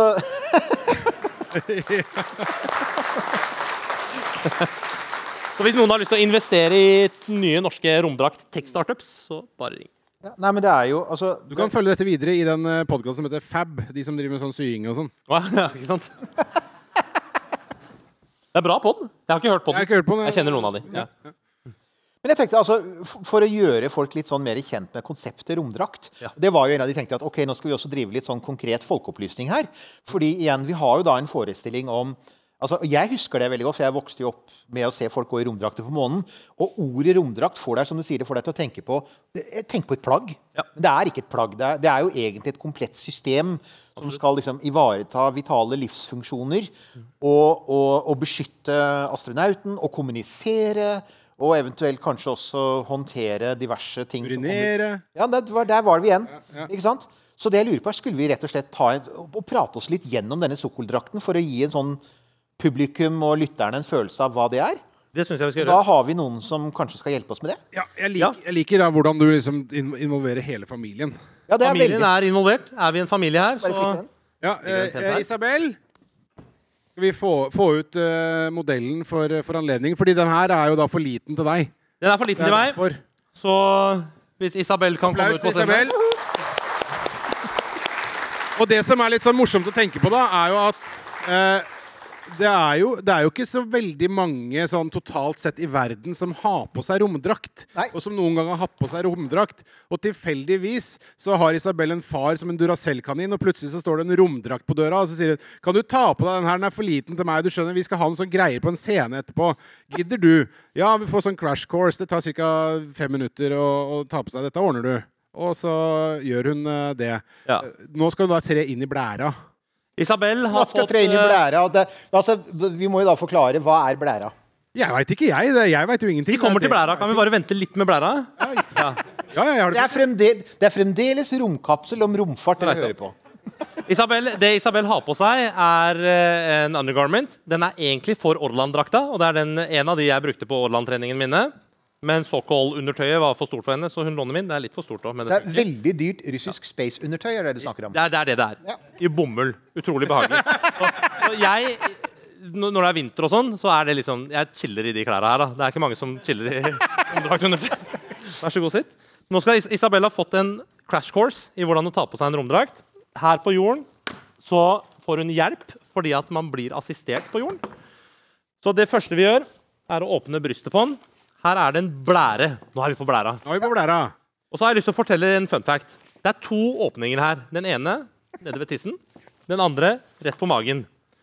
Den nede ved tissen den er der fordi at i Russland kosmonauter har en tradisjon for å gå ut av bussen og tisse på et dekk. Det er helt sant. Og Derfor så har de lagd en liten åpning i den blæra. Og det morsomme, en liten fun fact Russerne kommer til å komme og finne meg og ta meg for å si det her, men det her er helt sant. Eh, de benytter den anledningen på vei til oppskytingsplattformen til å smugle med seg sigaretter og vodka. Du har ikke, du har ikke lyst til å vite hvor Det du er skal inn, ikke sant? Ja, Det smugrøykes faktisk på romstasjonen. Dette vet vi. De putter det inn der. Ja. Så det Isabel skal gjøre, er å putte Jeg har så mange spørsmål, merker jeg. Men magen. eh, Og så, og så tar hun på seg beina først selv. Før jeg involverer meg. Hjelper til lite grann. Og den blæra er altså dekket av et gummiert, altså gummiaktig materiale. ikke sant? Helt Det som er riktig. lufttett. Ja. Når du også ser at du lukker den, den, der, den delen som, som eh, man kunne åpne for å tisse på dekket til bussen Ja, den, Når du knytter den sammen, så var det med hva var det? Er det med en strikk eller med en snor? Det er med en strikk. Altså, dette er Russland. typisk russisk høyteknologi, Jeg minner igjen om Og det skal vi se på nå, for det er ganske fascinerende. altså, russerne tenner fremdeles på sin Soyuz-rakett med en fyrstikk. Jeg Ja. om det. En stor fyrstikk, men en fyrstikk. Og hvordan vi assisterer her på jorden, er at jeg tar tak i hjelmen bak på ryggen. Så løfter jeg blæra. Har Isabel på seg Stikker arma gjennom. Jeg bare minner på at dette fortsatt er Romkapsel, en podkast om romfart som nå snakker om romdrakter. Hadde det vært YouTube, hadde nå for lengst og blæra vært altså noen greier inni romdrakta. Sånn. Og så bøyer hun hodet fram, og så tar jeg blæra over hodet. Ja, det er Og så, så nå, blir det, nå går det gærent. Nå har det gått gærent for lenge siden. Så. Hodet gjennom. Og da er hun gjennom. Og så tar hun på seg kommunikasjonsheadsetet. Den, altså, Et kjapt lite tips, Nimad, når du lager din eh, drakt. kult hvis du gjør den der, der litt mer moderne. Fordi det der ser ut som en sånn der hockeyhjelm med sånn uh, racerhjelm fra 19... Men det var jo det, Apollo-astronautene hadde jo det. De kalte ikke det Ja, for ja. supercap. Cap. Ja, da, sånn jeg at, syns den er ja. dødskul. Jeg syns det er kjempekul. Ja. Den Ja, er ja. skikkelig retro. Og så, det vi vanligvis gjør, da, det er å koble kommunikasjonsanlegget. Ja, for det er det til eh, hodetelefonene. Det er til hodetelefonene. Og så er det Den en blir liten kobla her inne. Her er det koblinger i blæra. Ja, inni blæra. Det skal vi ja. ikke gjøre nå. Nei. Og så skal Isabel sette seg ned igjen. Og så skal hun ta på seg hvite hansker. Er det sånne korpshansker? eh? Hansker, ja. Ja, det stemmer, det. Ja, Jeg hadde ja, det, sånn, det er ja. jo det. det er Ja, føler jeg liksom sånn gentlemanstyv, da. ja, ja, det er sånne russiske kjempedyre bomullskorpshansker. ja. Det er jo det der. Og nå begynner det morsomme. For nå skal vi se hvordan vi tetter en romdrakt. Eller hvordan russere tetter en romdrakt. Ja, det er viktig å understreke at det er hvordan russerne jeg gjør det. får gjette. Jeg mistenker at det er veldig høyteknologisk. Veldig høyteknologisk. Ja. Dette er blæra, folkens. Det er her Isabel har krypet inn. Så det hun gjør, er å brette den sammen. Det er viktig å ha det her i kontekst. Vi kan ikke klippe sånn. ut akkurat uh, det greiene her. Og så ruller den. Og så bruker vi den høyteknologiske integrerte gummistrikken. Og den surrer vi rundt.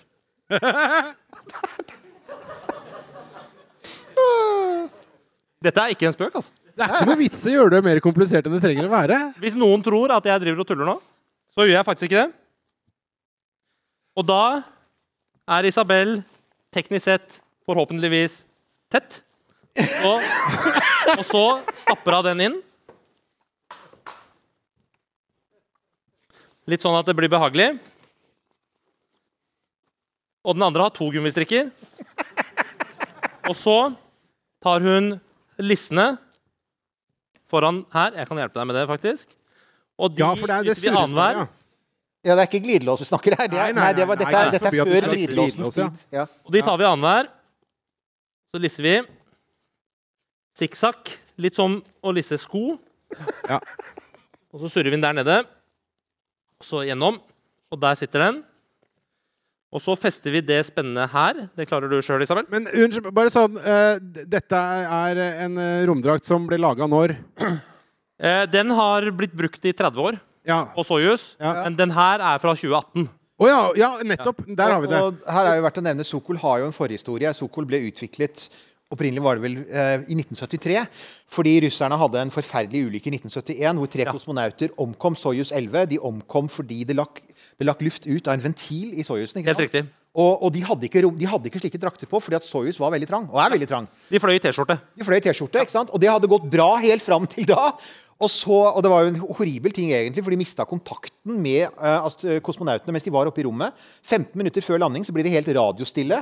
Men så lander den automatisk, og så kommer altså da folka som dere sikkert har sett bilde av, de, kommer, de lander på steppen, og så kommer de med helikopter og ridende på hester og alt mulig rart. Altså, det er jo fascinerende å se. Og så åpner de luka, og der sitter det tre døde menn som har blitt kvalt. Og så oppdaget man da de hadde jo dødd på, på under 40 sekunder, fordi at det, luften ble tømt ut veldig fort. Og Det førte da til at de sa ok, det kan vi ikke gjøre lenger. Så i løpet av fra 71 til 73 så begynte de Og så vidt jeg har skjønt Denne modellen her er en litt mer moderne modell, men mer eller mindre denne har de vel brukt da siden. Men altså, det er, ja, for det er den samme teknologien som brukes nå. Altså, det er altså, Greit nok at strikk lages i 2018 også, men det er, liksom, konseptet strikk er fra 1973. Og vi bare Vi gidder ikke Det har funka med strikk eh, siden 73, så vi gidder ikke å sette inn glidelås. Eller noe annet. Nei, altså det, det er gjort så enkelt som overhodet mulig. Alt er enkelt på den, bortsett fra de tingene som ikke er enkelt. F.eks. disse koblingsringene. Ja. Men, men, men eh, strikk, det fungerer. Det har aldri feila på den drakta her. Det er ganske utrolig. Så, så vi, jeg var jo helt sjokkert over at det der skal funke. Men, men det er vel også sånn at denne her er altså Den er jo ikke reita for å være utenfor romstasjonen i sånn åtte-ti timer. ikke sant? Altså, Den skal holde x antall timer i tilfelle det lekker I tilfelle Soyuz får en lekkasje igjen. Og vi vet jo at Soyuz kan få lekkasje, for det har den jo fått opp. Ja, ja. Men ja, nå Det er litt viktig nå, Hvis du lukker den der luka der, som sikkert er eh, er laga fra en sånn gammel brødboks Vil da din datter bli kvalt Ja, inni går det nå? greit, dette her? Ja, det går greit, det går greit en liten stund, eh, men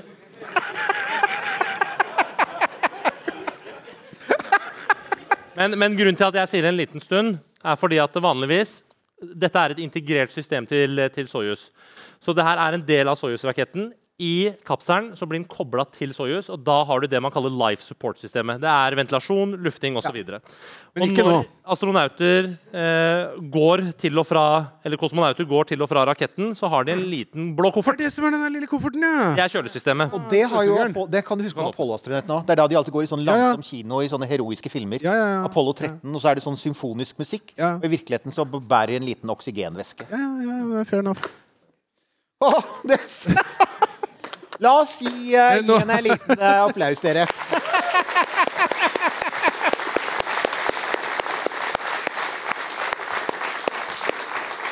Og så ser dere at eh, hun står litt sånn kroppbøyd. Og det er fordi at den er designa for å sitte som en reke. Den er jo ikke designa for å stå rett. Ikke sant? For at igjen, det er, altså, Den skal brukes mens de er på vei opp til romstasjonen. Og hvis de da skal ut, så må de ha den andre Orlan. Den, den som er Helt riktig. Og da vil jeg tro, da er det vel heller ikke et blæresystem? Er det ikke da du har et sånt helt lukket, altså Da har du et komplett lukka system. et komplett lukka system? Hvor klamt er det inni der nå, Isabel? Ehm, det er ganske varmt. Det er, ja, det vil jeg tro. Ja. Det er mest kult å være her. Så det var ålreit å ha på ullundertøy? Inni den der eh, innestengte ja, blæra. Og her er da det man kan forestille seg. De tar på seg disse draktene, setter seg i lille Soyuz, som er en ganske liten, rund Ja. kapsel. Vi har den her. Der er det. Dere ser det er ca. sånn det ser ut. Og så skal de da opp til romstasjonen. Og hvis de er heldige, så er de oppe på, på romstasjonen sånn eh, fire-fem timer. Det kan russerne få til, fordi at romstasjonen går i perfekt banevinkel for eh, Baikonur. Men det er ikke alltid. Så det hender jo. Stemmer ikke det, Nima? Det hender at, hender at de er lenge i disse romdraktene. Ja, det, de kan være ganske lenge i romdraktene. Ehm, mange, altså Før, da de hadde litt lengre oppskytingsperioder og, og brukte et eller annet sted mellom fem og ti og noen ganger et døgn, så var det klart, da, da var det opp i rommet åtte minutter til de var i vektløshet. Og så, så fort de var i bane, så tredde de av seg. Ja. Akkurat nå så har de disse korte flightene som tar tre timer fra oppskyting til dokking. Og da sier man at det, fordi at den flighten i seg selv er såpass farlig, så, så tar de ikke av seg drakta i det hele tatt. Da sitter de faktisk med den her hele veien. Og så må vi huske at de sitter jo to timer eh, De tar på seg drakta to timer før de går i raketten. Og to timer i raketten før oppskytning, så det er fire timer allerede der. Så det er ganske mange timer i den drakta. da. Jeg vet om vi må åpne det. Ja, for nå må du, må du selvfølgelig punche inn den koden eh, og bruke den spesialutviklede nøkkelen. Var det det med blæra? eh, Jeg tenker fremdeles, altså, jeg, jeg, jeg har sett mye bedre systemer enn dette på XXL. Altså. Jeg har det. Men jeg liker, jo, jeg liker jo den tanken om at eh, Nei da, det har alltid funka. Ja, altså, vet du, det, er, altså, det du kan si da er at Den russiske designfilosofien det som kan sies om den, er at disse Sokol-draktene og Soyuz har jo faktisk levert mennesker trygt til rommet helt siden altså den, siste, det siste, den siste dødsulykken i russisk romfart som vi vet om. da. Og i hvert fall Den siste som var involvert en rakettoppskyting, var jo 1971. Det var Soyuz 11. Applaus til eh, Isabel. Yay! Veldig bra. Da er jury, jury med blæra her tilbake. Nei, Svetlana med blæra. Det var det eh, sånn det var. Sånn var det. Ja, vi, vi skal kjøre en liten sånn Hvis det er noen som har lyst til å komme og ta på en romdrakt, så ordner vi litt sånn greier eh, der. Du får anledningen etterpå. Jeg synes, altså, dette her er sånn derre Det føles veldig spesielt. altså. Og så er det samtidig sånn, når du kjenner på det, så kjennes det ut som helt usedvanlig Altså, for det er yttertrekkeren nylon, er det?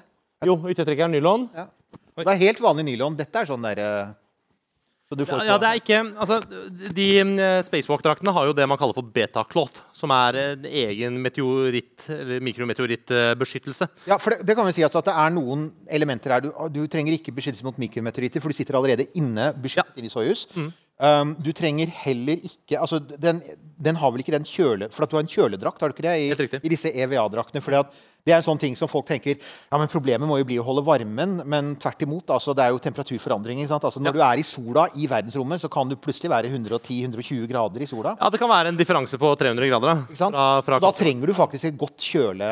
øh, temperaturkontrollanlegg. da. Og så trenger du visir, altså et visir som beskytter mot eh, sola. Men, men, eh, men så har du heller ikke noe bevegelse i den. Så når den her blåser seg opp og er trygt Den videoen som driver og går på loop der, der hadde jeg Der er du! du der, akkurat der krøp Men den videoen der, Ja. Der hadde jeg akkurat fått veldig masse kjeft fordi at jeg hadde kobla hanskene feil. Så jeg fikk ikke trykksatt drakta. Jeg hadde en lekkasje i drakta og blei skjelt ut til hud og hår. Interessant affære. Men, men eh, når, den her, når den her er trykksatt, så klarer du ikke å bevege deg inn. For den har ikke bevegelige skulderledd. Den har ikke ringer overalt som den store drakta har. da. Så, så, så derfor så er det ikke noe å anbefale. Men du kan overleve litt utenfor romstasjonen i den her. altså. Ja, og det er vel, altså det har jo vært snakk om Det fins jo én konkurrent til her. altså Nå må vi ikke glemme kineserne. Kineserne jobber jo med det samme. Kineserne gjennomfører romvandringer. Visstnok så er kinesiske romdrakter eh, basert på russiske opprinnelige modeller. Men Begge, begge romdraktene de bruker, er det. Ikke sant? Og på samme måte som den romkapselen de bruker nå, er basert på Soyuz. Men vi vet også at de har dette ambisiøse måneprogrammet. Så også Kina er i gang med å lage romdrakter som skal brukes på månens overflate. De har jo nå sett for seg, fordi det er blitt så mye forsinkelser i, i USA, USA, så, har de jo, så ser jo de for seg kanskje en mulighet for å kunne lande på månen før amerikanerne mot slutten av dette tiåret. Det er ikke helt usannsynlig. Det, det, sånn Altså- det ser ut nå, så det, hei, jeg er på Kina, altså. Det er, Ja, ja, altså Akkurat nå så ser det ut som de kan ha i hvert fall en, en viss sjanse. Der man tidligere var liksom helt utenkelig, for de sa 2035. Nå sier de plutselig nei, før 2029. Ja, og så er det mange som lo litt av kineserne da, da de snakka om å gjøre den nye romstasjonen, men den er jo fabelaktig. Ah, den er så altså. ren og pen og Ja. ryddig og disiplinert. Så, så Ja, jeg tør ikke å le av de. Det er Kina, ja. Ja. Nei, så det er, og som du sier, altså den, ISS har da smugrøykende russere, så jeg bare sier ikke mer. Og Med vodka i tissen. Og du sitter der og forsker. Du gjennomfører 35 eksperimenter på vektløse rotter, og så glir det en vodkaflaske langsomt forbi. Det er, liksom, det er det jeg ser for meg. og Det er det du som har gjort. da. Det er sjarm, da. Det er sjarm. Det er sjarm, ja. Det er charm, Ja. Ja. Absolutt. Men det som er litt, når, vi snakker om kineserne og den drakta her, det som er litt morsomt, er den uh, romvandringsdrakta de kjøper. Der kjøpte de lisens fra, fra russerne. Så Ja. de har kjøpt lisens. Den er helt lik Orland-drakta, men den er litt hvitere. Den her er også den samme drakta som kineserne flyr med Mm. i, i raketten sin. Bare der har de ikke lisens. De kjøpte en fra et universitet, og så har de reversing. De har piratkopiert såkalt drakta, Og der er også sann historie. Jøss, så ukjent. Men altså, med, med, med tanke på at vi snakker om en blære og noe strikk, så tenker jeg at det kanskje ikke var det vanskeligste. Det er ganske lett å Det piratkopiere. sånn, ja, vi måtte reverse-engineere den der strikken. Det var Det er litt, der kunne det jo faktisk vært interessant å vite om de også bruker strikk. Eller om de tenker at nei, dette her er litt vel sånn De har eh, modernisert den litt. Ja, vi uh, tar eh, steget inn i det 21. århundre og bruker velcro, vi. Ja. Men, nei, men altså, så det er jo, så det er jo som, sier, som vi var inne på i stad, det er jo helt klart et, et marked for romdrakter. Og det er jo litt sånn morsomt å tenke på, for du har liksom bare alltid tatt for gitt men de bare er der. Ja. Men dette er en ting som må produseres. og det er jo også sånn at planene for månen Nå snakker vi ikke engang om Mars, for det er liksom, nå ser vi langt inn i fremtiden. Men planene for månen involverer Du ser jo bilder av masse mennesker som går omkring på månen i romdrakter. Så med andre ord, du må jo også få litt masseproduksjon på dette her, da. Du må få masseproduksjon på det. Du må lage en romdrakt som, som kan gjøre service på der oppe. Eh, og litt å mekke på. Det er ganske mange faktorer som må på plass. Altså, altså, må den jo tåle månestøvet. Du må ikke minst tåle månestøvet. Det, er jo, Ja, ja. det var jo noe av det som skremte særlig Apollo 17 En av de aller største problemene. Det finnes jo noen bilder fra Apollo 17-kapselen. Ja, du kan se det. Altså, det var, og det er vel eh, Det er jo en av dem, han eh, Gene Cernan. Gene Cernan Ja. sier vel det at hans ene hanske var nesten spist opp av, Ja, ja. av, av dette. For at, altså, på månen så er det jo massevis av støv, og fordi det aldri har vært vind eller vann der, så er aldri støvet blitt rundet av, så alle fragmentene er sylskarpe. Apropos det der diskusjonen også om er det sunt å puste inn månestøv. Neppe. Nei, og Det er vel det bildet av Gene Cernan hvor de er er helt er, svarte i ansiktet. Og... Ja, ikke sant? Altså, Å bo på månen er som å gå på en norsk skole på 70-tallet med asbest. ikke sant? Glassvatt og asbest. Det er utrolig at vi er her fremdeles. Så, så For å svare på det kompliserte spørsmålet er det sunt å være på månen. Nei. Veldig kort og enkelt. Altså, nei, altså, det er, altså Jeg sier fremdeles det er en av de beste kildene til informasjon om månen og Mars. Det er altså Elton John med 'Rocket Man'. 'Mars ain't the place to raise a kid'. Han sa det! Ja. Han har sagt det, og jeg mener, jeg syns vi burde ta det på alvor. Hvorfor hører ingen på ham? Nei, altså, jeg, jeg, er jo, jeg er jo en av de som ikke er fan av å kolonisere Mars og raise a kid on Mars. Jeg syns det er dødskult at vi utforsker det, at vi sender mennesker dit og gjør disse utforskningsprogrammene. Jeg ser ikke helt poenget med å skulle kolonisere det, men, eh, men det er en annen diskusjon. Nei, det, er så, nei, altså, det er en interessant diskusjon med forskningsstasjoner versus en koloni med familier og, og liksom sånn. Ja, signifikant forskjell. Så, ikke sant? Ja, Det er en, en veldig stor forskjell. Men fremdeles så trenger man hundrevis av romdrakter, og det er det markedet dere vil inn i. Det er det markedet Ja, vi vil inn i. og det er, det er kjempeinteressant. Spesielt når vi vet at vi kan lage den beste drakta. Hei, det. Du, jeg syns det er et sånn fint sted å tenke på å runde av her, for nå har vi sittet og tjatra i, en- i en eh, times eh, tid her. Men det vi skal gjøre Det er altfor kort for denne podkasten.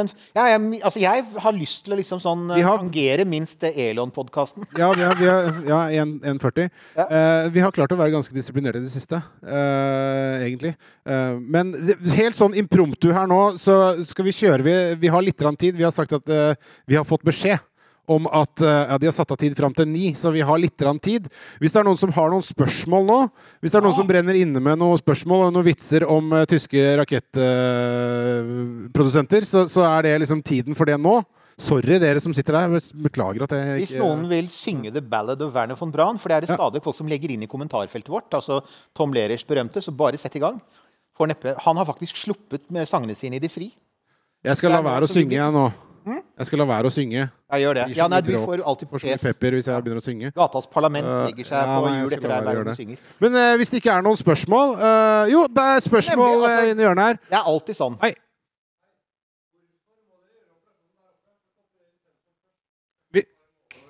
Gjenta spørsmålet. ja, hvorfor må operasjonen gjøres i verdensrommet? Hvorfor eh, kan den ikke bare gjøres på bakken? Jeg har prøvd å svare på det mange ganger, for jeg har lært av Terje. Men kan vi ikke ha la Terje svare på det? Terje, Terje, kom igjen. kom. Men Vi er her. Det er mye bedre at han svarer på det. Dette er Det er det jeg Er sier. det- altså, Romkapselpublikum er ikke som andre publikum. Har du funnet på det bare fordi du har lyst til å dra til verdensrommet? Ja. Nei, det er et godt spørsmål, men uh, vi tenker å gjøre begge deler.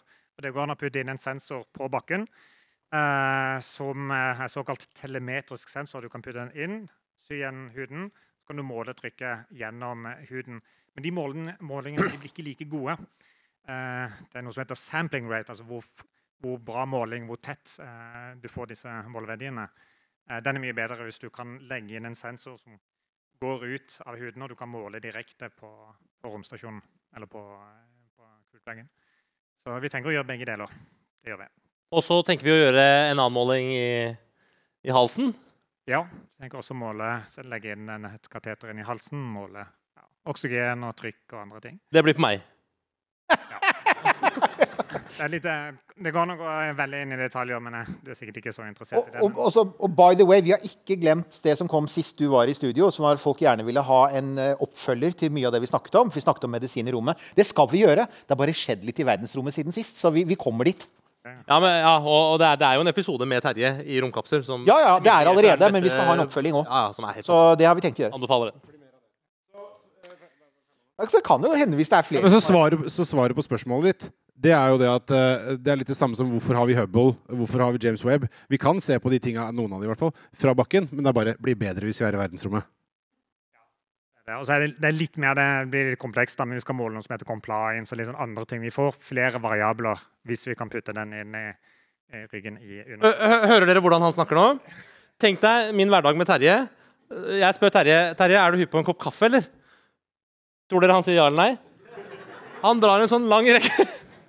Ja, det er sånn jeg har det. Han, han kan den forskningen utenat, folkens. Ja, men Og det og hvorfor, hva som er sunt med kaffe og ikke. Men dette er jo den store lykkelige familien din, da, så det må du, det må du Ja, ja. Det er Live with it. definitivt en del av lykkelig familien din. Takk, Terje. Uh, vi, Jeg er omgitt av, er veldig smarte folk. vi, vi kommer selvfølgelig tilbake til eh, mer medisin med, med Terje på et uh, Det skal vi helt klart gjøre. For Andre spørsmål? Uh, ja, Der var det en hånd! hei. Ja. Ja, hva gjør man på fritida når man er der i ti dager? Ja? Godt spørsmål. Yatzy i vektløshet hadde vært Det er dritkult! Men terningene svever. Ja! Ja, men det er et Vet du Ja til det, eh, til, til det spørsmålet, men eh, eh, Magnetiske terninger, tenker jeg. Ikke sant? Magnetiske terninger som forstyrrer eh, systemene. Å, ja, ja, ja. Men, men det var yatzy var faktisk ikke så dumt. Jeg tror det hadde vært yatzy skal det bli! Koste hva det koste vil! Og vi er jo på en hyttetur. Og siden det er space Ja. yatzy, så koster det en million å utvikle det, ikke sant? Ikke sant? Eh, en million kroners yatzy.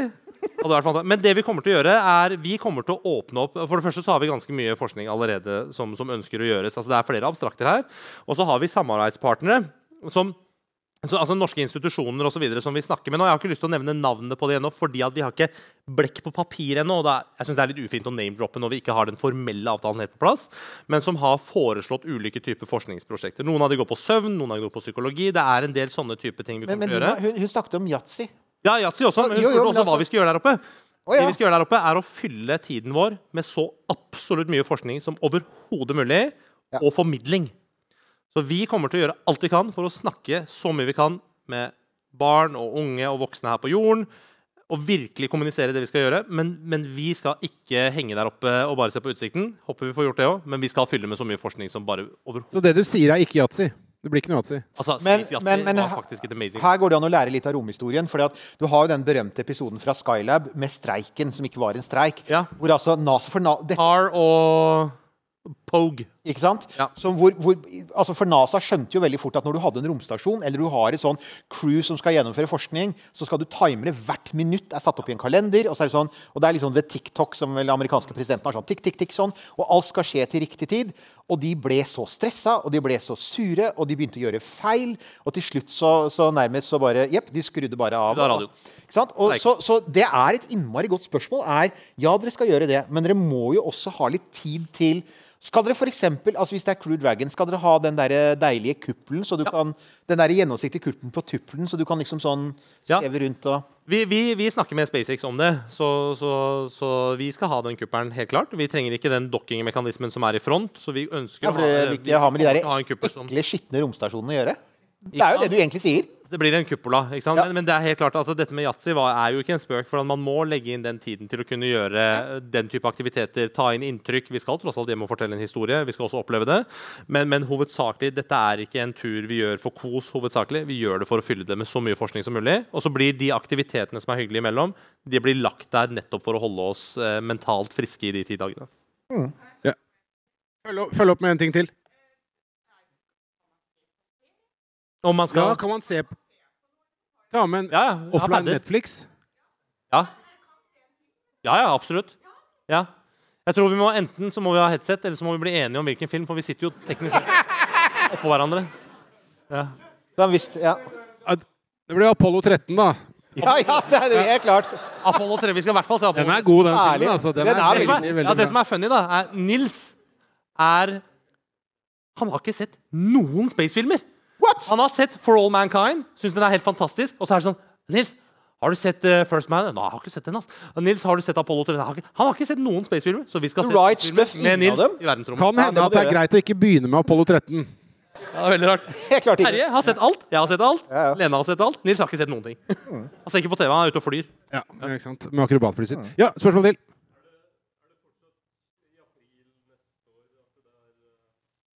Det er dessverre ikke det. Eh, vi har en oppskytningsvindu som vi har tilbud om i april. Vi har også et oppskytningsvindu-tilbud i september 24. Det er de to vi har i 24. Eh, 24 altså April 24-vindu er det vi sikta til. Det er den vi hadde lyst på før sommeren. Nå begynner tiden å bli så knapp. Vi har ikke alle de penga vi trenger, på plass ennå.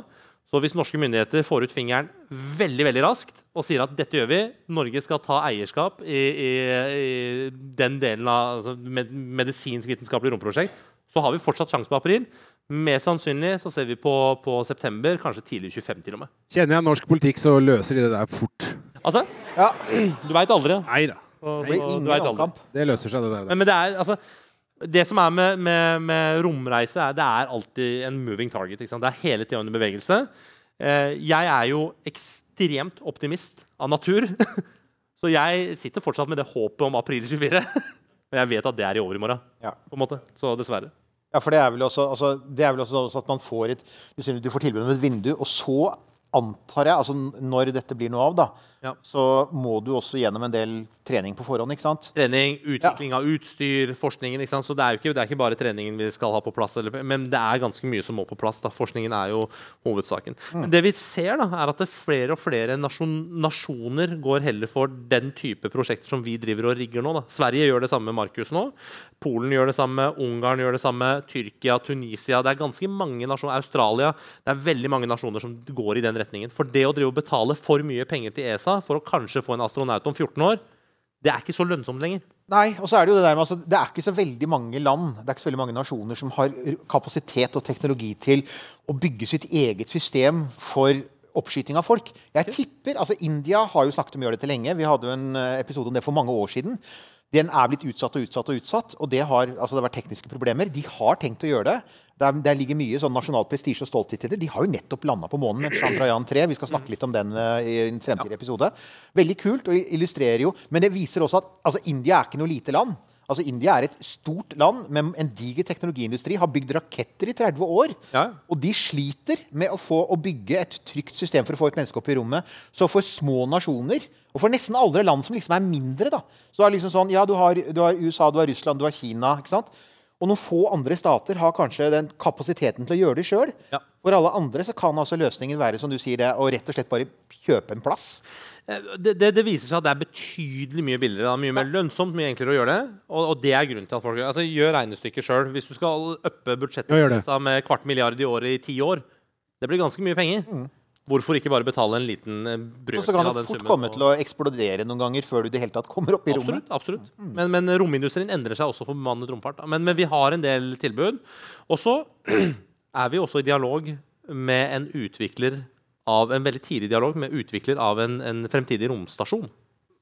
Eh, så, så det kan hende at eh, vi flyr til Er, er, det er ikke de der Vast-folk, er det? Kan være, jeg vet ikke. Ja, det er fordi at vi, det er, vi ja, Det er tidlig dialog. altså Vi kan ikke si så mye Vi Ja. kan ikke si si så mye om det, men Ja, altså- ja, altså, ja, vi er i dialog med hva. Men unngå Virgin Galactic, for de tar deg ikke opp i rommet. De Det er bare sånn.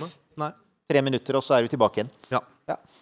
Men eh, det er Oi, ja, eh, dette her kommer til å ta litt tid. Uh, har, eh, ja, uh, Capsemann.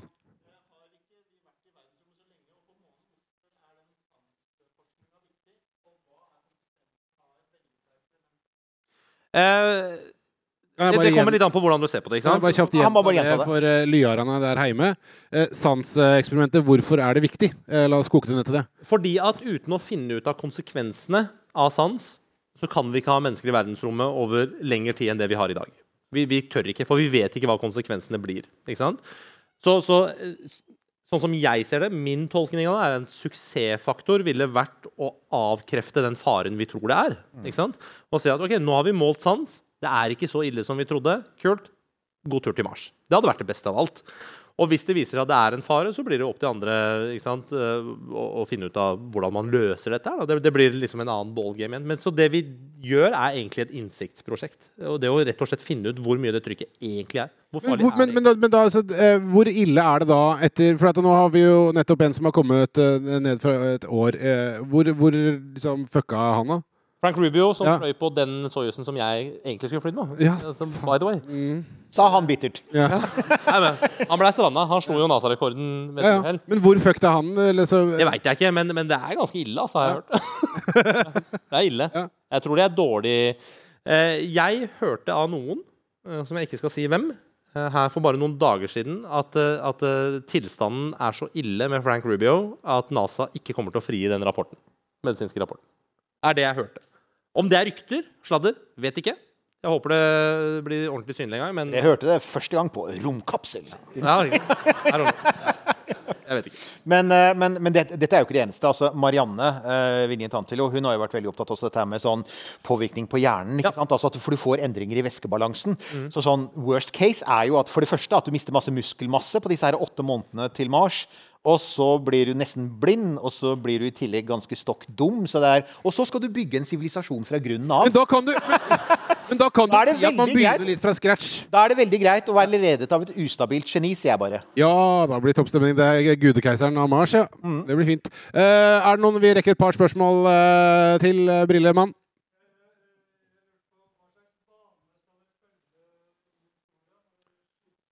Fantastisk spørsmål. Ja. Hva slags bane? Den feteste. Vi hadde, ja, den feteste banen. Vi, vi har diskutert flere baner med SpaceX. Uh, og den banen som ligger på nå, jeg tror det er 51,8 grader, eller et eller annet sånt, stemmer ikke det? Hvor ISS ligger. Ja. Vi ble anbefalt av astronaut Michael Barrett, som vi hadde en, en kjempegod samtale med her for noen måneder siden, halvt år siden kanskje, som anbefalte Han var sånn herre dere, må ikke- dere må ikke gi dere på det. Dere må kreve av SpaceX å fly på i en, i en 61-graders bane, for da flyr vi over Norge. Og så øh, møtte vi denne østasiatiske investoren. Øh, han hadde lyst til å fly 90-graders bane. Altså en polar bane. Og det hadde vært Og det sa SpaceX. Det er bare å glemme. For når du skal hjem igjen, så kan du lande hvor som helst i verden. Vi vet ikke hvor vi skal plukke det av. Vi har ikke teknologi til det. Så den banediskusjonen har vært eh, Den pågår fortsatt. Så det blir Vi tror det blir et eller annet sted mellom 61 og 70 graders bane. Som, som med 70 grader, det er nesten polar bane, da. Ganske Det, det, for det er en sånn ting man ofte glemmer i dette her. Altså, romstasjonen har den banen har først og fremst av politiske grunner. fordi at Bill Clinton ville ha romstasjonen som et fredsprosjekt. og Derfor så la du den i en banevinkel som gjorde det lett for russerne. fordi basically kan ikke Soyuz skytes til så mye lavere. Sant? Um, men, eh, men det er jo en fordel med disse, disse litt sånn der, mer skrå banene. Som du sier, du ser mye mer av jorda. Ja, ja. Og Og du du kan- går i mot rotasjonen, ikke sant? Så- Ja, ikke sant? ja. Og, du, og du kommer jo også høyere opp. Og det beste hadde selvfølgelig vært med nordmenn om bord også, at du faktisk da kom over Norge, og så kunne folk stå og se. Der er Ja. Men det SpaceX også svarer til 90-gradersbanen, en polar bane, det har de sagt blankt nei til. Eh, Det er både pga. teknologi og redning og landing, og alle disse tingene her, men det er også veldig mye politikk i det. For det er ikke alle nasjoner som godtar at du flyr over dem. rett og slett. Så, så det er veldig interessant. Men sånn som vi tror, et eller annet sted mellom 61 og 70 grader 70 grader hadde vært dødskult. Tar jeg veldig Ja, det, det er kult. altså. Det er ingen som har gjort før. Det 70 grader nord-programmet er mye kulere enn det andre. Men tar jeg veldig feil hvis han der statslederen som ikke tør å ta noe annet enn tog, er en av de som ikke liker at du flyr over landet hans? Ikke sant? Ja. ja. Jeg er for øvrig veldig miljøvennlig, da, men det er ikke derfor han gjør Veldig miljøvennlig, men det er ikke derfor han tar tog. Eh, og det blir stadig flere spørsmål. Det er- Det var oppe Her tar det av, i hjørnet der først. Nei, nei. Hva? Eh, Sisteplassen på flighten. oh, det var eh, Oi, se her, du! Tja. Se, sånn, Hvem Ja, altså, ja, vi- vi- målbandt ham! Vi, vi har en ganske klar antydning. Vi har, vi har en veldig veldig klar antydning eh, på hvem det kommer til å bli. Eh, det, er ikke, det er ikke hugget i sten ennå. Eh, jeg tror hele teamet vårt er klar over, at, eh, over hvem det kan bli. Vi er i dialoger om det nå. Men det er jo klart at eh, vi ser på eh, Diversity betyr mye for oss. Og så tror jeg vi bare skal vente til det kommer fram, rett og slett fordi at vi ønsker å formalisere det internt. Så fikk jeg mye kritikk for at det var et spørsmål her nede. Ja.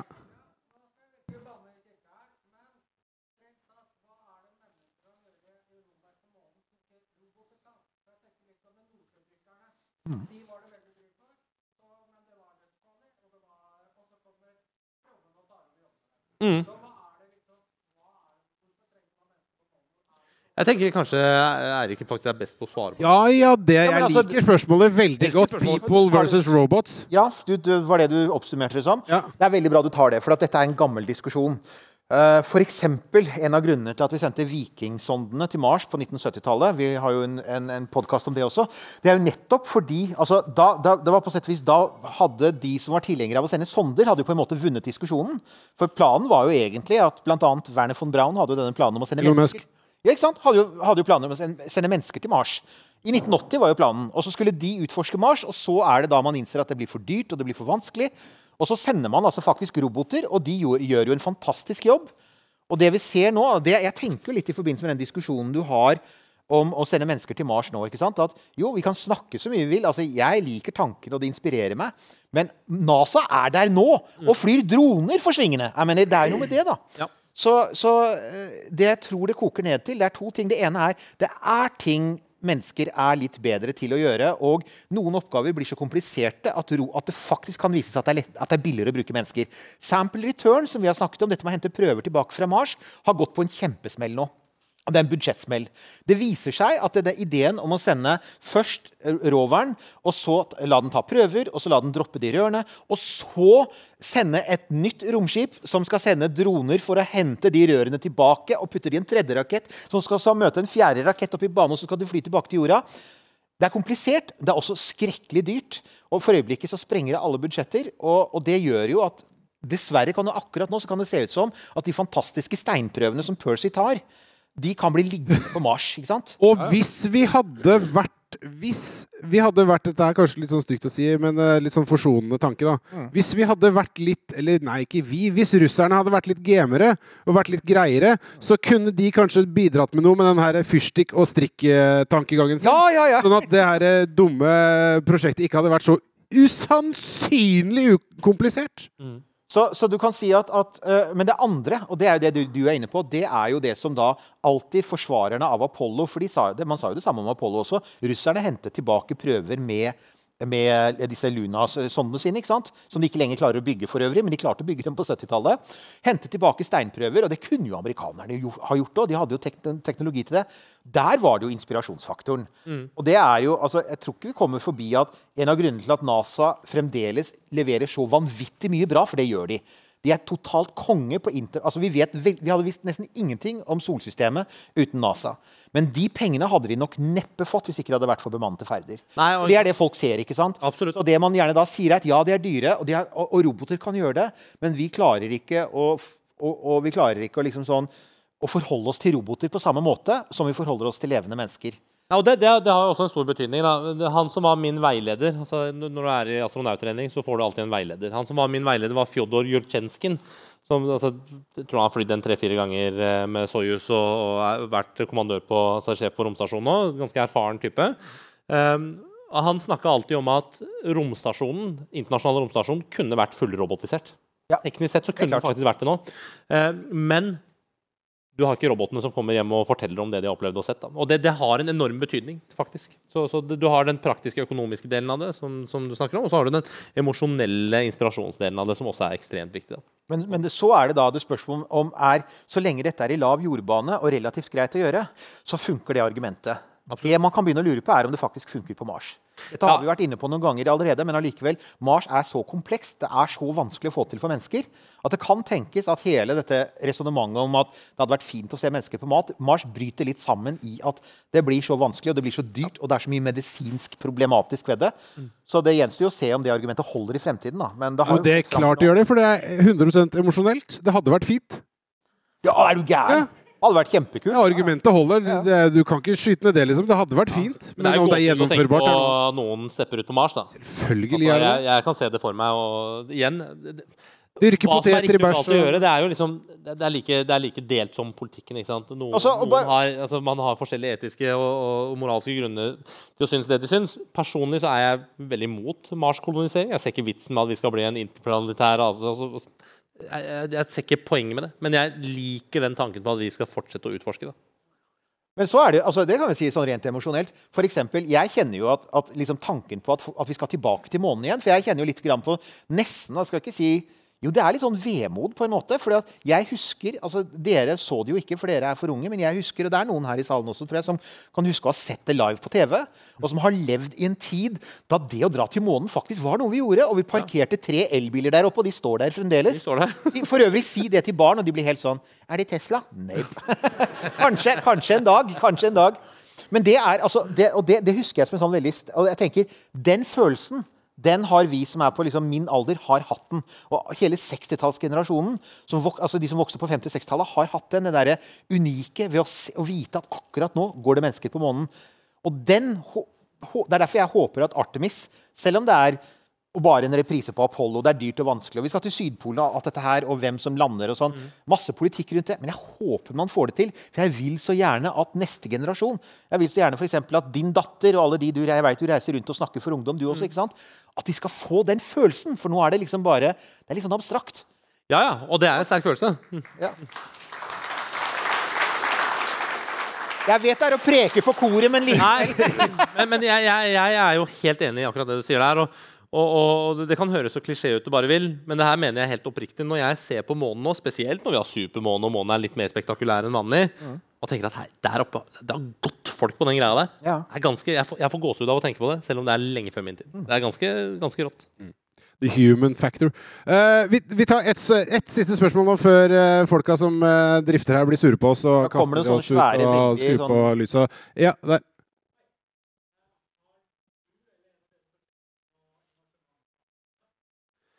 Vi har et samarbeid med Andøya Education. Eh, og hvordan det utvikler seg, om det blir et prosjekt med Andøya for øvrig, det vet vi ikke ennå. Men det prosjektet med Andøya Education er nå helt i startfasen. Eh, og der har vi blitt enige om et, et samarbeid som går på formidling. Eh, jeg må også nevne at eh, når du spør om det, så kan vi si så mye at vi, vårt prosjekt nå, har landa et agentur på det som heter NASA Hunch. NASA Hunch er et NASA-drevet prosjekt som står for High School Students Unite with NASA to Create Hardware. Ikke sant? Altså, akronymer er. Akronymfesten. Ja, ja, det er akronymparty. Det blir forkorta akronymet Hunch. Eh, Hunchback of Nei. ikke sant? Men Det er ganske kult navn, men, men det er et veldig kult opplegg. da. Så, så Hunch er et prosjekt der eh, ungdomsskole- og videregående elever lager hardware, altså ting som flyr i space. Men med hardware så mener vi alt, det kan være alt fra verktøystativ til astronautmat. Og per nå så er det over 3000 artefakter som er lagd av kids i den aldersgruppen som flyr i rommet. Akkurat mens vi snakker nå. Eh, vi har etter lange forhandlinger landa en avtale med NASA Hunch, som vi bringer til Norge nå. Kommer i gang med allerede nå i løpet av den høsten her. Eh, og vi har et, et nordisk, nordeuropeisk agentur. Vi blir basically Europakontoret. Så gjennom det prosjektet der så kommer vi også til å samarbeide ganske tett med Andøya Education. Og så kan det jo, det hadde vært superkult å jobbe med de på andre ting. Ikke sant? Så, ja. Ja, for det skal jo skje, og det kan vi vel si, det er vel passende, vi kan jo passe, passende å gå ut på det, Nilsson, er det ikke det? Jeg vet ikke hva du har tenkt å si. Så, men det Andøya, er sikkert det. Andøya, Andøya. Altså, vi hadde jo en uh, samtale med daglig leder for uh, Andøya Spaceport, er det vel? Vi måtte passe på å si. Eh, og og vi, det blir mer Andøya i høst. Eh, det skal åpnes offisielt 2.11. Vi er invitert, så vi satser på å være der. Så får vi høre om eh, vi kan få noen ord med det kronprinsen skal være der, blant annet. Han har jo alltid vært interessert i Ja, han, vi kjenner han. han, han ikke stor- han snakker ikke om altså, han. Jeg har lyst til å bare spørre ham her, er, er det Star Trek eller er det Star Wars?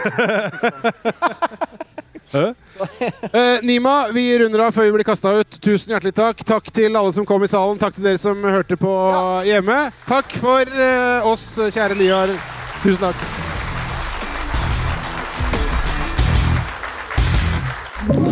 Du har hørt en podkast fra Podplay.